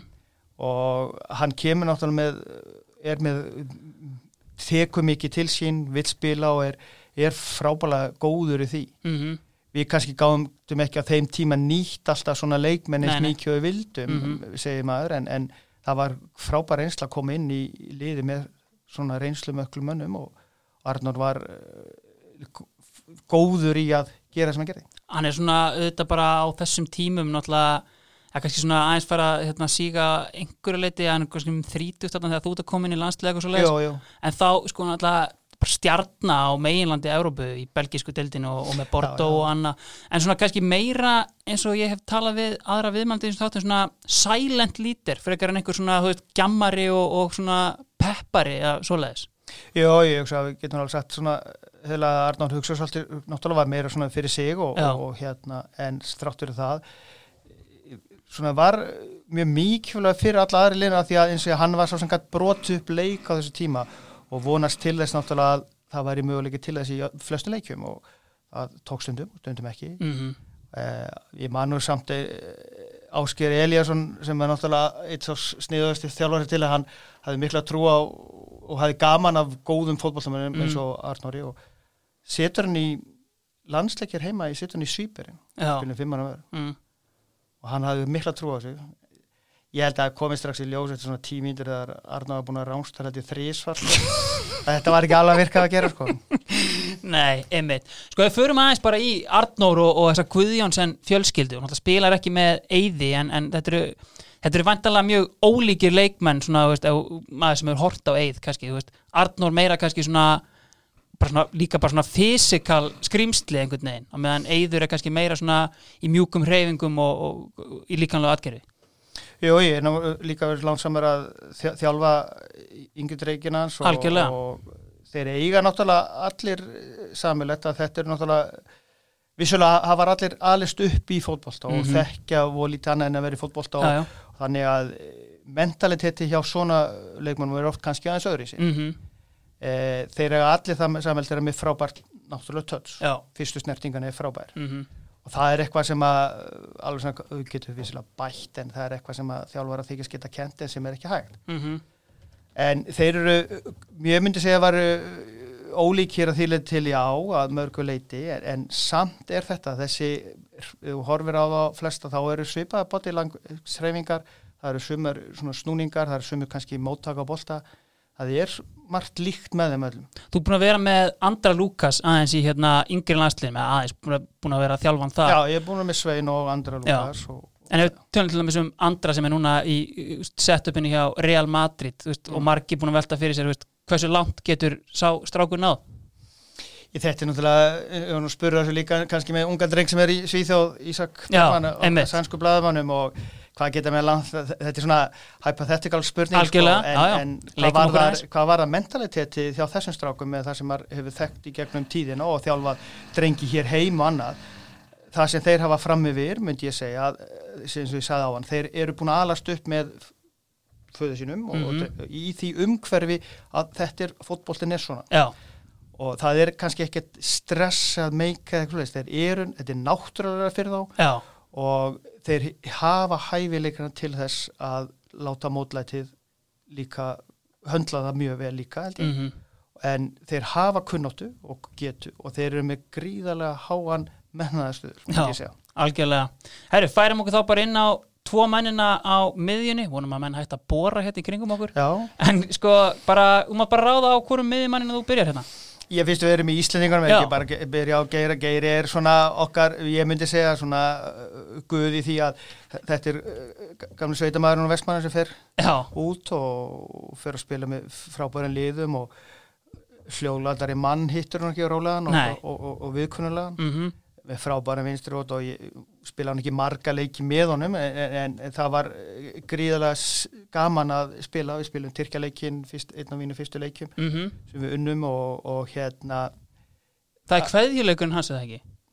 Ég man ekki Ja. alveg hvernig það var en, en Geiri spila náttúrulega ekki þeins marga leiki hann Nei, við gera því að það sem kannski kom fram líka í landsleikjum á þessu tíma, það voru landsleika klukka, það voru leifilegt að spila frá hendi félagan gáttu leiftir að spila þrjá leiki, 34 Mm. leiki á ári. Já, sem hefur breyst náttúrulega. En Ásker svo sem gæti ekki alltaf komið eins marga leiki og kostu var á og skiljanlega. Mhm. En eh, hann er öðruvís sko, við höfum ekkert séð svona með leik með heldur í Íslandi síðan. Nei, nei, næstur hann er sko vinstri frábæra vinstri fót finnum í þuna frábær pláss kemur mönnum í spili er með eh, á spila á þvílíku háu leveli þannig að mhm mjög hérna, skemmtilegu leikmaður að hafa að spila með Var einhver svona, veist, við erum að tala um Arnór og Ásker, svona kannski okkar helstu stjörnur hérna á þessum árum, veist, og koma kannski inn í íslenska landsliða sem eru margir leikmenn að spila hérna heima, uh, umgjör KSI, ég veit ekki einu hvernig hún var, sko, veist, var, var ásjáanleg stundum bara einhver svona þreita í þeim á æfingu með, veist, eða voru þeir bara, íslenska landslið er alltaf íslenska landslið? Ég held að svona, það er svona mismönd eftir hvar menn voru stattir í heiminum, hvað var það aðstöð og hvernig var undirbúingu leiki og annað Mm. því lit. Eh, vissulega þegar þú kemur inn í svona hóp sem ungu þá náttúrulega er svona vissa grúpur eins og það er og gerist alltaf í öllum landsliðum, ekki bara Íslandi og Mm slæmt eða gott um það að segja. Ég held samt sem ára að þeir hafa komið og kannski einn maður sem að reif þetta upp líka sem er náttúrulega ekki í þessu lið hjá mér er allir eðvals að hann var svona maður sem getur talað meir en aðrir mhm, og stundum á mikið. Gata, blessu sér minning hans virkilega gó- góður drengur. Að hann var svona kannski reyða áfram en, en menn komu náttúrulega með það hugar til að spila leikin og, og hittast og, og gera vel og ná Mhm. í góð úslit og annað þvíleitt en menn gerir svona skamlega grein fyrir að eh, það var, er, það var ofta á brattan að sækja ofta á tíma Já, einmitt. Hvernig bara svona horfir þið tilbaka á landslisferilna? Því ég veist, með við leikmann frá þessum tíma eins og áskýr hana, ég, myndi segja að þessi fullt af veist, með við það, ég með 40 og, 42, 42, já. já. og ég meina þarna eru líka, veist, þarna eru bara fimm leikmann á bekk og hérna, og einmitt ekkert alltaf vandalega að fá leifi frá Brian Clough og svoleiðis til að fara í það sem við kalla Mika Moose leiki og svona, þannig að þú veist, hvernig svona lítur þið tilbaka á, en síðan að koma, svo ég skjóti inn í, þessi tímabilatna á einhverjum tímapunkti þar sem þú ert ekki valin í landslu annað. Siggi Held er ósáttur þegar þú ert að fara til Nottingham og eitthvað svona og, og veist, hvernig svona lítur þið tilbaka bara svona á þinn landslisfyrl Ég bara, já og nei, bara nokkuð jákvæmt að mörgleiti en, en eins og segið, það voru margir leiki sem hefði hérna geta kannski komið en ekki komst ekki. Þetta var líka það sem maður þurfti náttúrulega að velja á þessum tíma er að þurfti að, maður þurfti að fara, gati ekki, það voru leiki já. og ef þú dast út úr liðinu þar, Já, já, þá er þetta svolítið vondum máli. já, En svo kom hitt sem er náttúrulega alveg súralist að þú, til að endun í atvinnleifi hverju ári þá þarfst að spila vissmarga læsleik og þá þarfst að spila vissmarga deildaleiki já, og þá er þetta svona vonlu staða já, einmitt en uh, við vorum að vera alltaf tilbúin að fara í landsleikin og spila þá mm. og síðan svo sem uh, kemur náttúrulega að þeim tíum að þú spilar ekki aðra leiki það koma aðri þjálfa með aðra hugmyndir og, og, og hérna aðri leikmi koma inn ferskir Mm menn vilja breyta eins og gengur gerist Það er eitt landsleikur sem að mér langar kannski aðeins að hérna, velta upp með þér og það er hérna, því mæti Brasilíu í svona þeirra peppleik fyrir HM 94 sem þeir síðan Mm. vinna Góða minningar frá þeim leik? Já, Það bara svona voru- að, tróðfullur völlur hérna og Það voru, já, þetta var, þetta var mjög skemmtilega minningar um þannig leik að því til það var náttúrulega langt ferðalag. Já, og við fórum til fórum inn í landi í Brasilíu sko Mhm. og við, í, þetta var eins og að ferðast með bítlánum sko, þeir vorum í sömu vél og þeir frá hérna Sá Pála Ríu manna ekki við- niður til staðsendi Napoli og hérna við fórum inn á flugullanlöfum undan hinnum minn og það var full flughafna fagn og bílunum og þeir voru náttúrulega fljótur allt segja það voru ekki réttu bílunum en völlurinn og annað, þetta var líðið völlur, mjög heitt en það sem er mjög minnist þetta í svona leik, er grasið það var eins og að spila á hundasúrum. Það var þykk gr grösuna blöðin og boltinn sveif öðru í sig. Já, og þetta var fyrsti leikur hjá Ronaldo. Mhm, og við svo sem áttum fínan leik Mhm. ég erum með þetta og við spilum en, en eh, þeir eru hundar betri ég segi ekki að segja það já, en þetta var mjög hérna, skemmtileg upplifin því mm. til að var allt í kringum og, og síðan var leikur búin og við ferumst tilbaka þannig að þetta, en, þetta endar svolítið svona túristaferð líka. Hann er mitt sko, kemur inn á 17 ára gamlan Ronaldo sem að vinnur hérna Ballon d'Or tveimur árum setna. Þetta er Mm. fyrsta landsmarki sem hann skorar í þessum leik uh, leikur síðan Rúnar Kristins ansi grátt og fiskar vítaspinnu og á síðan stóran þátt í þriðja markinu þú veist, sástu þarna bara úst, og þeir bara, úst, var það gauðsæði töluð um bara inn í klefa eftir leik eða úst, bara hvaða skrýmsli er þetta?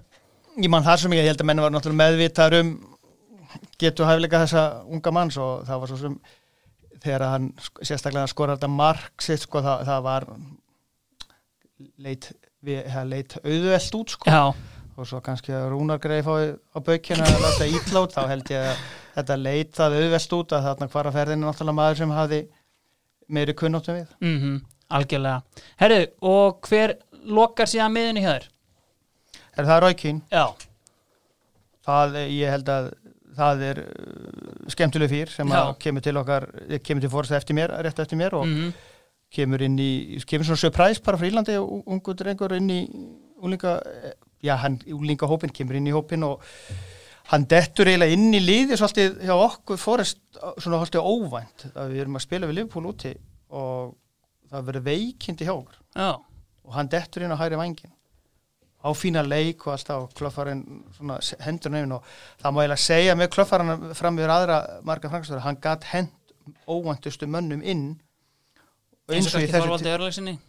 Nota bene Já. það, það, það hefði ekki margi gert Nei, og skil það líka. Mm. og í þess tilvíð þannig var mjög svipa dæmi að, að hann kemur að ná og, og, og er bara hendin í djúbulegina Já, hann er ekkert búin að æfa neitt með aðaliðinu. Mhm. Og fer inn og stendur sér bara vel. Þetta var svona rö- röff íri sem kemur hann skröffi gæi. Já, og óskiljanlegur að hlusta á að tala en, en, en eftir það má segja að hann hafi svo mikið tort tilbaka nei, svo sannarlega ekki.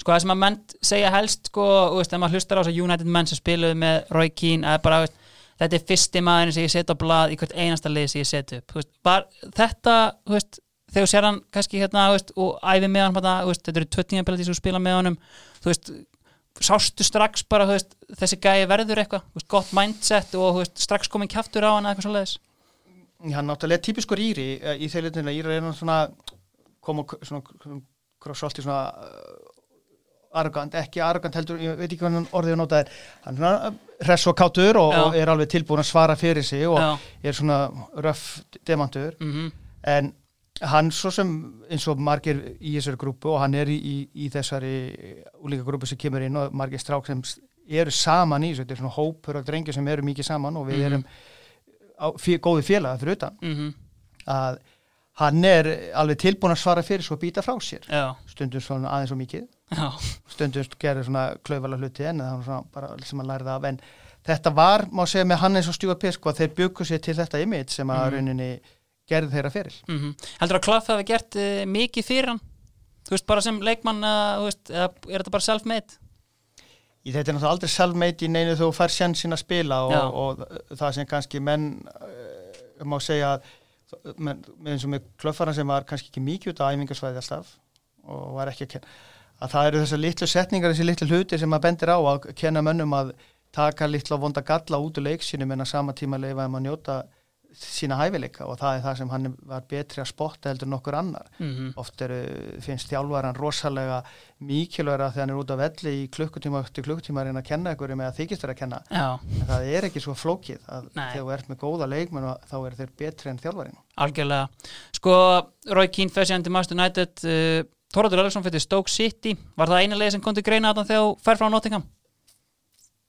Já, var eitthvað, það var Skandinavia og, og, og, og eins og líka svona augum uppi. Mhm. uh, það var ekki það var ekkert mikið meir, ég vildi verið áfram í Englandi Já, og svo sem lokaði öllu annar staða frá. Mhm, það var eh, eitthvað önnur nörðildalið og annað fíl sem var í kring. Já. uh, ágætu félag Notts County hinum með augötuna, ég hafði ekki áhuga því á Nei. þeim tíma, já, Stók er að koma upp. Emitt Stók er eh, mikið fótbolta svæði hvað það var, þetta er samt svona þetta er lálunasvæði mm, uh, Lumakari er þjálfari Já, já, og ringir í mig og, og hérna ég hitti hann þar og ég þetta, mér hendaði mér mjög vel, þetta var Mhm. ekkit langt frá það sem við bjóðum í Nottingham. Að Mhm. keira þarna og við vorum tveið, þrý strák sem fóru þaðan til frá Nottingasvæðinu og vorum spila fyrir Stók til að byrja með Þú ert auðvitað á frábær flugi þarna í, í stók svona, veist, þú lítið tilbaka hvað sem það leikmaður ársins uh, bæði áriðin uh, er þetta þinn besti fótbolti sem þú spilaðir? Þetta var svona samt að Engl hvað var það að ganga velja og að, að í langa tíma og var komin á, á góðan stað hvað það var þar. Og þá sýnir oft þegar þú nærð vissum leikjafjöld og, og, og völdum til þess að þá ertu getur náða að sína kannski þetta rétt andlít Nákvæmlega. Stók var eh, eins og segja, liðs að koma upp með ma- marga leikmenn sem var sp- eittu mestu sínum ferli í neðri deildum. Mm þannig að liði var eh, kannski ekkert frábært uh, tæknilega séð fótbolta. Það voru einstaklingar sem hefðu safnað saman líka svona kannski eins og ég lendi að spila fyrir sitt lið og ekki náða að spila alla leikina í efri deildum. -hmm. en uh, stuðningurinn og, og áhugin í kring var gríðarlega skemmtilegur. Þú ferð þarna, eins og ég segi, spilar þarna í Champions-dildinni raðarinn mörgum á fyrsta sísoninu og, og leikmaður ársins, þú veist, ef leikmaður verið að gera þetta í Champions-dildinni í dag, hann væri farin í Premier League. Og ég meina að ef maður les dag að sjálfsögðu, þá eru, þú veist, orðaði við mörg lið, voru einhver múf á þessum tíma sem að svona voru í pípunum en hérna, en dutt ekki? Sko, já, það voru það ver, uh, það er alltaf allt minnst alltaf alltaf alltaf alltaf eftir á ef hefði og kannski alltaf heita. Er fínt hérna. en, en, en í, í þessu fyrstu árið var svo sem engin á- áhugi frá mér Mhm. eða, og síðan fer hérna Lumakari til Celtic. Já, og hann hafði áhuga að koma um, þangað, ég hafði ekki áhuga því. Nei, ég var ekki tópaslega hrifin af Lumakari hans aðferðaði var þannig að æfingarnar voru illa undir, það var mikið hlaup Já, sem er allt í lagi, mhm, komst í gott form.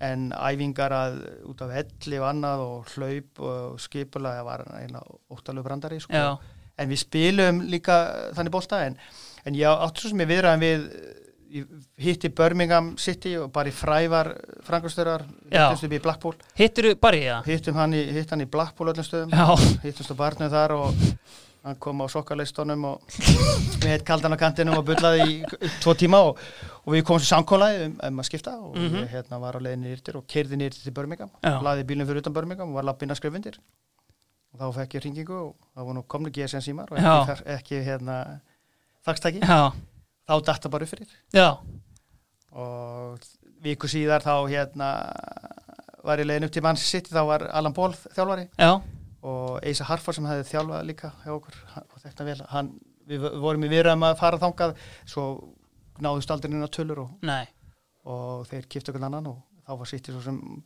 bara rokkandi hér og þar. Já, já, En- en, en það var sem minn vilji þá að reyna að pröfa eitthvað annað e- en, en s- eftir það þá var svo sem staðan komið þannig að minn tími á stókabúi já, einmitt. Joe Jordan kemur hérna í millitíðinni, millir þess að Luma Kari tekur aftur við það ekki. Já, Það er vantalega, það er gauð sem síðan með náttúrulega, veist, fer á hátt level sem aðstofast verið Harry Redknapp mikið, já. góðar sögur af honum. Já, heldur betur að því að það eru tveir ólíkir uh, spáð sko, skotar, annar stór, hinn dörgur Já, og, og hérna Makari var náttúrulega mikil hettir hérna frá United og átti fish and chip shop hann rétt fyrir utan og grætt á því en, en ekki, Joe Jordan var líka í United. uh, Jó, það? Joe Jordan fór til United Já. og var Leeds líka og Mhm. vil svo til að Joe Jordan var hérna spilari hjá e, Leeds þegar klöffar Já, kemur, já, já, þess að 44 dag já, og Eisa Harfar sem var þjálfari með hann líka var líka leikmaður hjá klöffarunum hjá í Forest og hann var keiftu til Forest var þar í þrjá mánu og tala aldrei á klaffaran en, en, en hérna Joe Jordan sagði mér sögur frá þessum lýtstíma hann sagði að þetta verið eitt svo kostulegast en það var mjög viðkonulegar maður Já. og organiserar hann kom svona svolítið þurr til dyrna fyrst mm -hmm. en maður með mikla reynslu spilaði Leeds og United, AC Milan Mm og var skipulegur í því að gera hlutina vel -hmm. Hann náði ekkert en ekki alveg inn á stóka þannar og svo Lumakari búsettur allan tíman í stók. Já, já, eh, og kom tilbaka aftur en, en, en hann, það, það var svona viðkonnulegur og frábær frangstur og góður þjálfari. Já, já, já. og alveg synd að missa hann þannig. Mm en eh, hann var ófið með þau félagskipti sem kom gengur gegn og leikmennin náðu ekki stansi sem hann fekk frá Skotlandi og, og hann ekkert náði aldrei sjálfur að vera frangastöri, hann var lengi með Harry Redknapp mm -hmm. og gekk vel þar og var vel liðin þar -hmm. en eh, það, ég hugsa ekki nema góða minningar um hann Algjörlega. Það er eitt leikmaður sem ég sá á leikmannahópum hjá Stoke City sem að hérna, ég veldi fyrir mér. Sko, Graham Potter, þjálfari Brighton. Já, hann Uh, hjá, já. spila náttúrulega ekki mikið kannski tíma sem þú ert þarna en þú veist, hann er svona inn og eitt og liði, Já. hann er vinstri fótar, ungustur kemur, þeir komu nokkri frá hann sko, Lumakari var búin að vera í, í Birmingham já, og er tekur eina þrjá stráka frá Birmingham, hann átti Mm. til að taka mikið svona fyrrvendi leikmenn og alveg sem að hvernig ástandi þeir voru já, svo var hann með svona uh, mér sko að þjálfara með þessi sem voru eittu tími sinni með annað en kannski þjálfun já, en eh, hann hérna tók hann Potter og Potter var mjög promising strákur sko, því hann var vinstrótar, bakvörður og, en svona hlétraugur og róluður strákur og, en, Mhm. en hann heldur betur staðið sér vel í þjálfunni Já. og, og fó- fór öðru sér leið mm klart mál. Kannski eitt miðjumæður líka hérna sem er dettur í hug frá tímanum í Nottingham Forest. Sko, kom ekki Neil Webb tilbaka í Jú. Forest eða þú ert þarna? og Nílu er postmaðurinn í dag Já, kannski svolítið brotinn eftir erfiða tíma hjá United. hann átti aldrei sem hann var alveg handóníturinn í það kallgreið með Já. hásinnanar og annað og klöffarinn var svona örugglega hjálp honum held ég bara koma tilbaka og Mm. hann var látið spila fyrir fram en það gekk aldrei neitt Nei. mér þetta var eiginlega tíminn hans var búinn sko Mm En sástu quality í honum á Já, æfingasvæðinu? já, gríðaleg quality Já. og, og, og kom þarna en, en hann var raun það hægur að hann átti eh, erfitt með þetta Algjörlega. Við vorum að tala um Roy Keane, uh, ekkert eðla mikill refur og auðvitað var með þess að vera kannski mental. Uh, hann er reynda meiri hundamæður, svipað á Brian Clough, en kann vist ágætlega við refi líka, þannig að ég sé eina kostin í stöðun að velja Roy Keane sem er ref draumarliðsins í bóði White Fox og Skruf hjá uh, Þorvaldi Örlusinni. Þorvaldi er að við vendum hvað okkar aðeins í kross. Uh, Sút upp Reykjavík, þeir eru líka með okkur og þeir hafa svona verið að spyrja, var einhver tími á ferlinum þar sem þeir blöskraði fataval samherja og einhver svona sem þetta er hug sem verst klætti samherja sem þú spilaði með?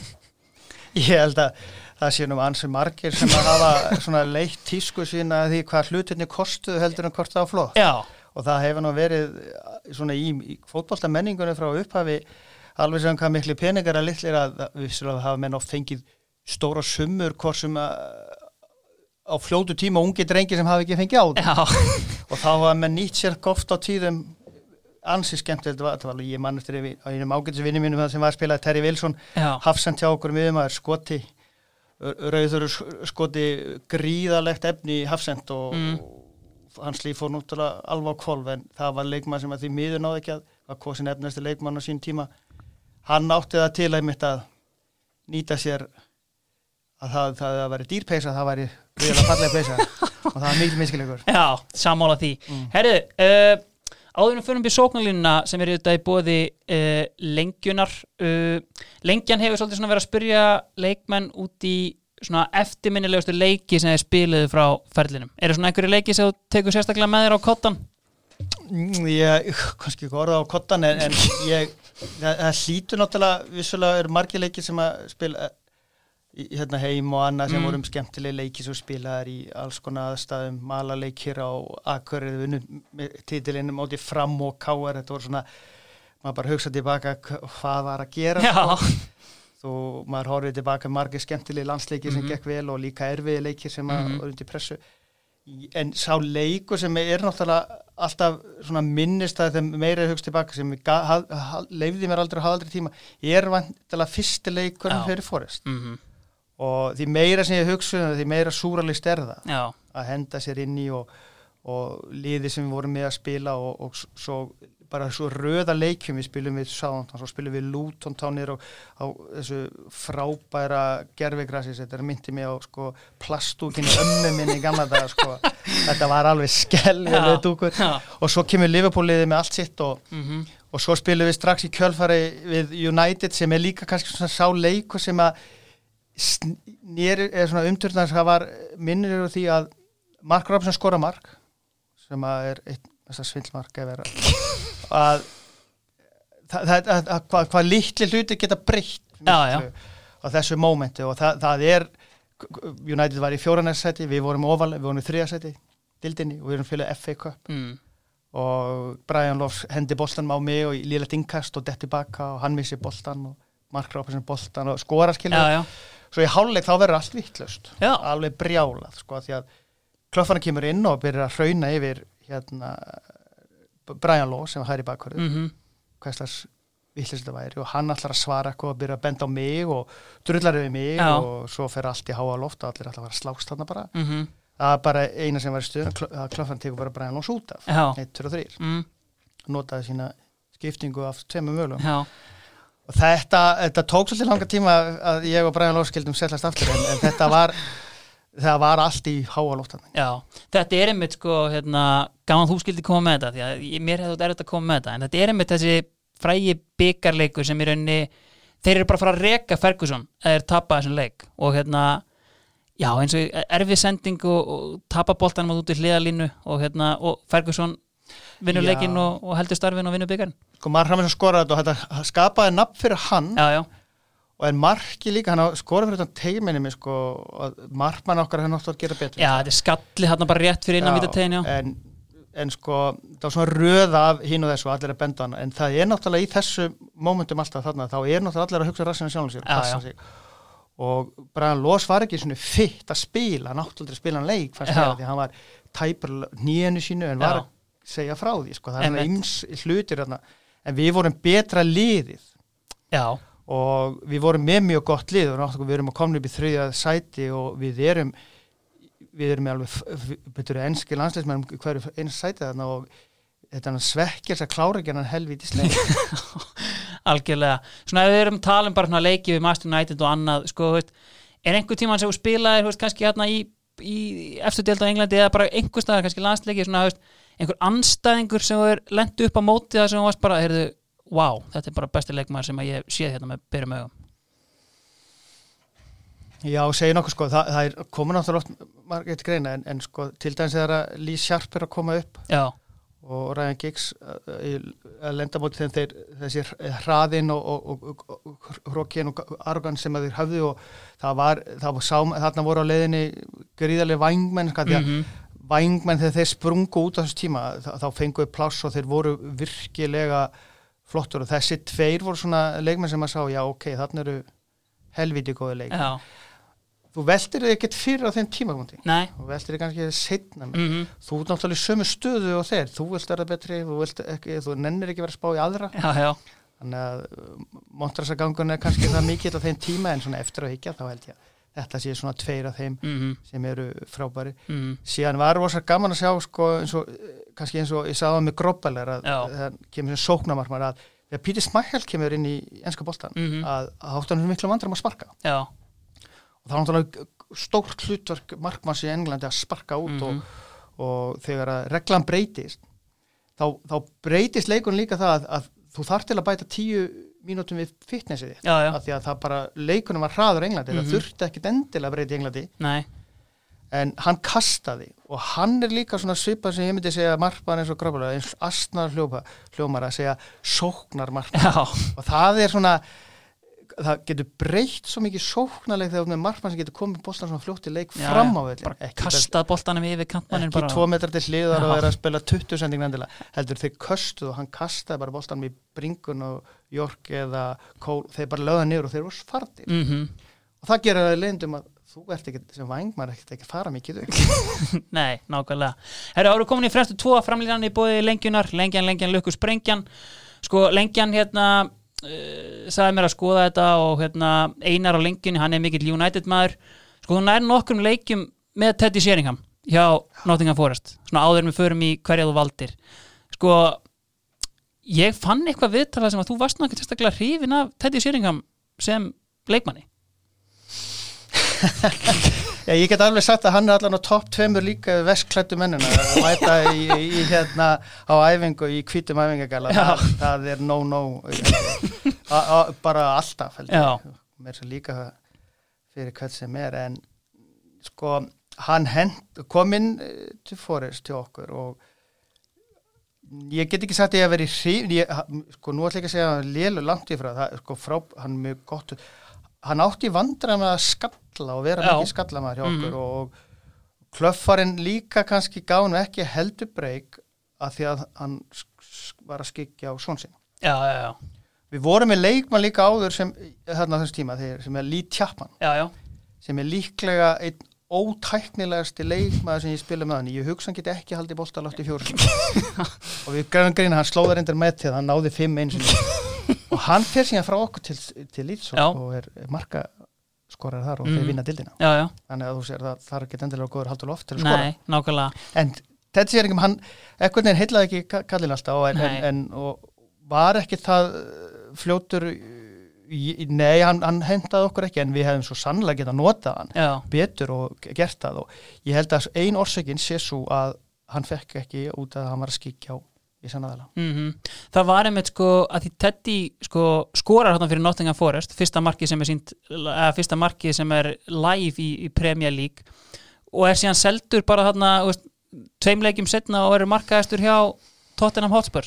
Já, hann, hann kemur til okkar frá Milvól Já, passar. Og það var eitthvað mjög skrítið allt við þau félagskipti. Mm. en að tala lengi um þau og Bangs og annað eða Ég get nú ekki svarað, bara þau, hvernig fó- fór snögt að fara, akkur Já. að selja leikmannin fyrir þetta og akkur að selja sendir þarna Já, og alltaf að leita sendir. En eins og segi, það, það var vissi hluti sem að greinlega mátt ekki hrópla við. Já, og það var þetta var eitt af þessu að því að það var svo mikið verið að kaupa marga stóra hafa samkeppni á þessum vissum stöðum. nei, nei Ef maður lesa aðeins á milli línana svona varandi svona, úst, ég hlusta mikið á hérna, leikmenn úst, á Englandi tala um aðra leikmenn og annað og Teddy Sheringham, úst, hann og Andy Cole töluðast aldrei við. Roy Keane var hefina hans sem leikmanni, engin sérstaklega vinnur hans, frekar en Peter Smækkel. Einu vinnur hans þurfist að vera Alan Shearer, en Alan Shearer einhvern veginn elskaði alla sem leta hann líta vel út á vellinum. Hvernig gaur var þetta? Erfiður náungi í klifanum eh, Teddy? hann var náttúrulega Londonari Já, og London er svona svolítið hróka kemur að ná að hann svo sem náði ekki mikið inn á alla nei, Nei. ég get alveg sagt að það voru hann í, í nokkuð, hópamenn sér í grúpur hann að því lit, mm, Rói Kín var með sín og við vorum svona grúpa sem er önnur og Rói fannst hann ekki leitt að vera aðeins í ATV suma þegar að leið á þegar hann náði meiri völdum og, mm en uh, þetta var svona ekkit alveg allra. Nei, nákvæmlega. Förum þá bara upp í fremstu tvo og mátt bara ráða á hvornum þú byrjar. Herri, ég ætla að byrja á Marstín Já, Ég, eins og segi, það eru margir sem kom til greina í, sem einn af þessum Mhm. sektorum mm -hmm. Nigel Clough hefði getað verið þarna uh, Teddy sér vissu, jú, svona en uh, ég get nefni sem eins og Arna Gunnlaugs til dæmis Já. sem að bara var mjög skemmtilegt að spila með mm en uh, þeir hann hérna átti góða heita kalda daga og Arnar er frá skemmtileg og góði vinni og skemmtileg típa Marstín, hann kem til Stók og hann er aðal hetjan þar henni og er markaskorari. Já, hann er ekki mikið að hreyfa sér nýður, hann er ekki mikið að hreyfa sér út og hjálpa liðun, hann er lítill, hann er ekkert að skalla mikið til að hjálpa að halda bólta, hann er alltaf leitt inn fyrir. já, já, En hann er alltaf fyrsta snerting og svo skot, Já. alltaf í áttamarkinu og Mm. hann skoraði og skoraði og var alveg, þeir elsku hann og var búin að spila í neðri dildanum, kemur náttúrulega úr frábæra ætt, stínættin, hann kemur Lúton og þetta eru allt hrikalega góðið og Mm. ég spilaði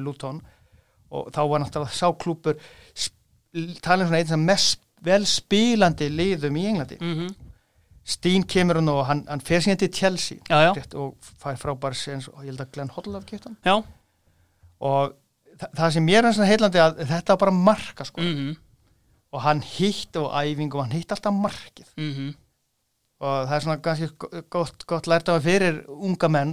Þú getur ekki skora nema að hitta markið. Það er svona meiri möguleikjaði og þetta er kannski ekki alltaf fast eð, en hann var rosa sparkvis já, og við áttum frábæra leik til dæmis á móti United í byggarnir Já. og sem við var, var svona langsam að leggja á hann og hann betur. skoraði og það, það var alltaf þetta að vita, hann hljópa allt inn fyrir, það var ekkert vissin mhm, en hann var svona lítið nippi og skemmtileg típa, svona lítill mús sem fór út um allt. Mm algjörlega.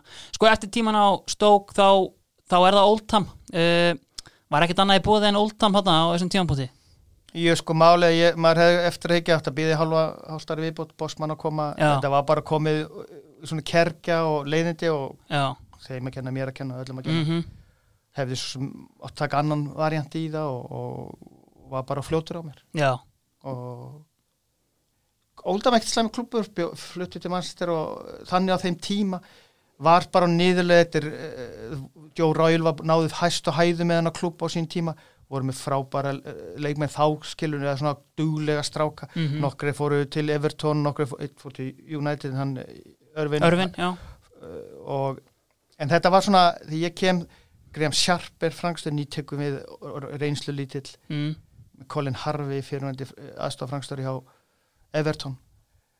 Þetta var svolítið svona á nýðuleið og ég bara, bara klaufaleg mistök hjá mér. Já, algjörlega.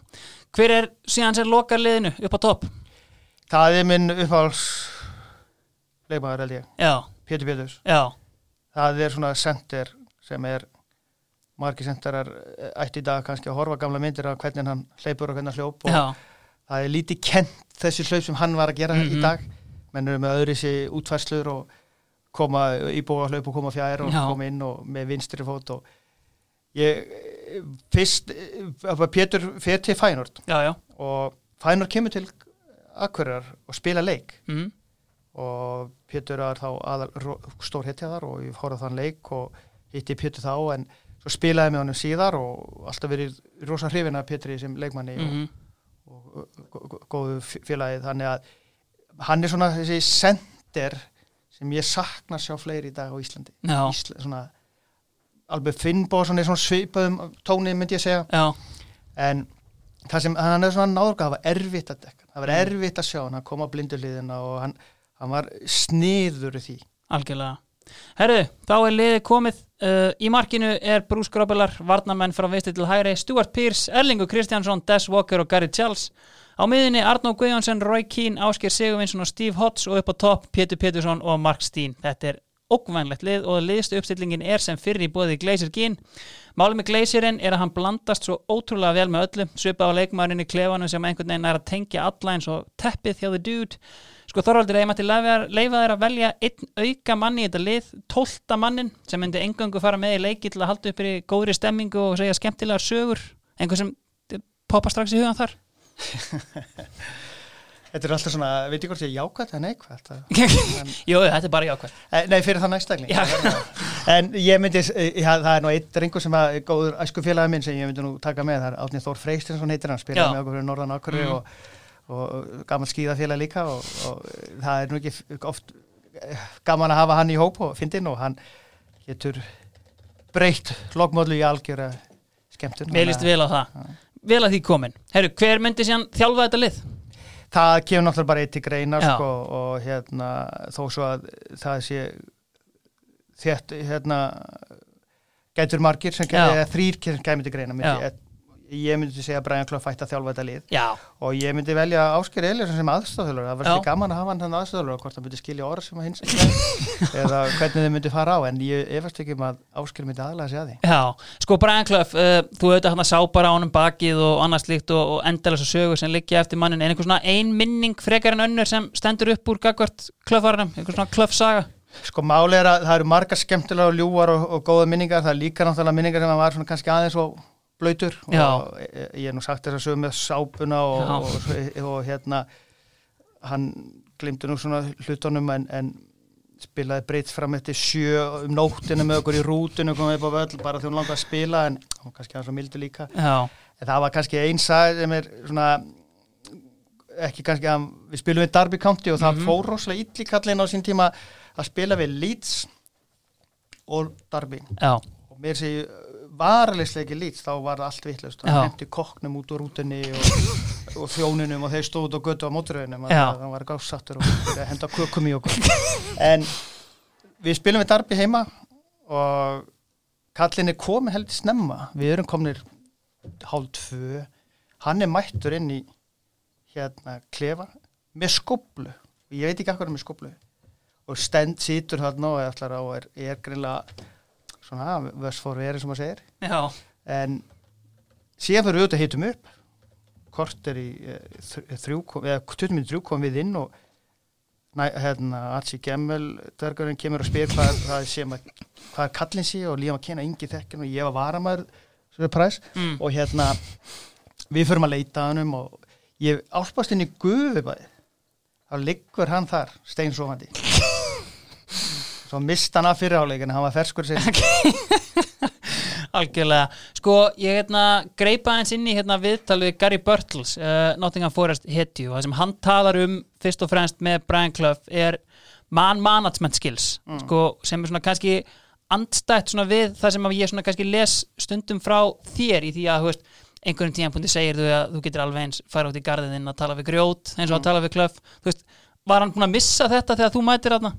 Nei, alls ekki. Nei. Þetta er kannski síðast að það allt vera langt í frá myndi ég segja. Við segja mér eitthvað, við erum átt okkur, við erum samt að fara undarúsleiki, við erum að fara í úsleðileiki, við erum, hefðum verið að keppi að Evropakeppninu hvert einasta ár, Já, já. en við vorum náttúrulega í banni og Mm -hmm. eittum tíma okkar í janúar þegar var eh, kannski leikir og þá vorum við að fljúi við til Evropa og spila við þau lið í undirbúinstimilega sem Milan og Marsi og Ítölsku liðin fá æmingaleiki við okkur mm. E, það var svona litli og kannski, sem kannski hefði, hann hefði þurft að hafa kannski fastari menn í kringu sig til að stoppa hér og þar, en hann var ekki búin að missa það, hann, hann hérna eins og Gary Burtle sem var lengi með honum, við vorum með John Robertson sem dæmi að það sem kallin hafði alltaf samt sem að virðingu svo John Robertson sem að var síðan aðstofafrangstur lengi með Martin O'Neill Mm hann kom alltaf þá var hann að selja tryggingar náttinga. Hann kom alltaf inn á miðugutu, uh, miðugutu með 50 mann hérna John Roberts. Já, kom inn og að því að taggart var alltaf kvöldi áður þá voru alltaf velta fyrir hver var í morðingi. Já, já. Og hann var mikið taggart að og, og inn í klefa satan og, og hann var, en hann var svona eins og Steve Hodge skítrætti við kallin Já, og hann reykti náttúrulega og kveikið sér alltaf síkvært inn í klefa bara. Og svo kemur hundurinn inn og þegar hundurinn kemur, kemur inn í klefa þá veistu að klöffarinn að koma og hann hleypur inn á klósett alveg allt í klósett. Og stendur þar upp og þá kemur k- k- kallinn inn og strax bara hvar er, hver er hérna? Að rópa hérna. Svo hann lappar inn og sér hann sitið þarna á klóstun standa á klóstun og það hellir sér og hinn alveg skít. Hann lappar út. En svo er leiðan að lappar út þá segir hann Róba það er leikur á lögadæn hjá okkur útileikur, þú kemur með. Já. Og þá var Róbert sko, 45 sek og hann er svo smátrák, ekki spurning. Og hann mættur út hana hann er að segja virðingin leikmannum þá, þrátt fyrir hans hlutu hana það, var svolítið skemmtilegt en hræðslan gríðaleg algjörlega. Og síðan kannski bara svona í lokin sko, Neil Warnock, snertum aðeins á honum aðan uh, Gaur sem einhvern veginn hefur sérhæft sig í dag að koma liðnum upp úr Champions-deildinni og séð ófáar YouTube-klippur af honum í háluleika sem hann er að gefa það sem að challenge kallar an absolute bollocking lendur einhvern tímann í þannig frá honum? við áttum ekki toppaslega gott skap en Nei, ég, er hans þjálfaði snott skamti þegar ég var nottingam já, og við löpum alltaf fram hjá æfingarsvæðinu þeirra sem var algjör skítahóla. Já, og þar voru þeirra að æfa langarspinnur og tuttast og já. hann var mikið í því en, en hann hefur náði alveg ótrúin árangur hann mega þá, hann sapna sínum leikmennu en ég get ekki sagt að hann, hann er lærið fata hérna fótasnirtir Já, og hann, ég get ekki sagt að hann sé skemmtilegu þjálfari til henni en hann var mjög sniður að ná út úr í að spila vissa hlut leiki. Mhm. En stór undalegu maður. Ég held að láta það bara vera að loka orðin. Þorvaldur Ég vil bara þakka að kella fyrir komuna í draumalið. Takk að kella fyrir, takk fyrir að hafa mig. Þið var að hlusta draumalið í bóði lengjunar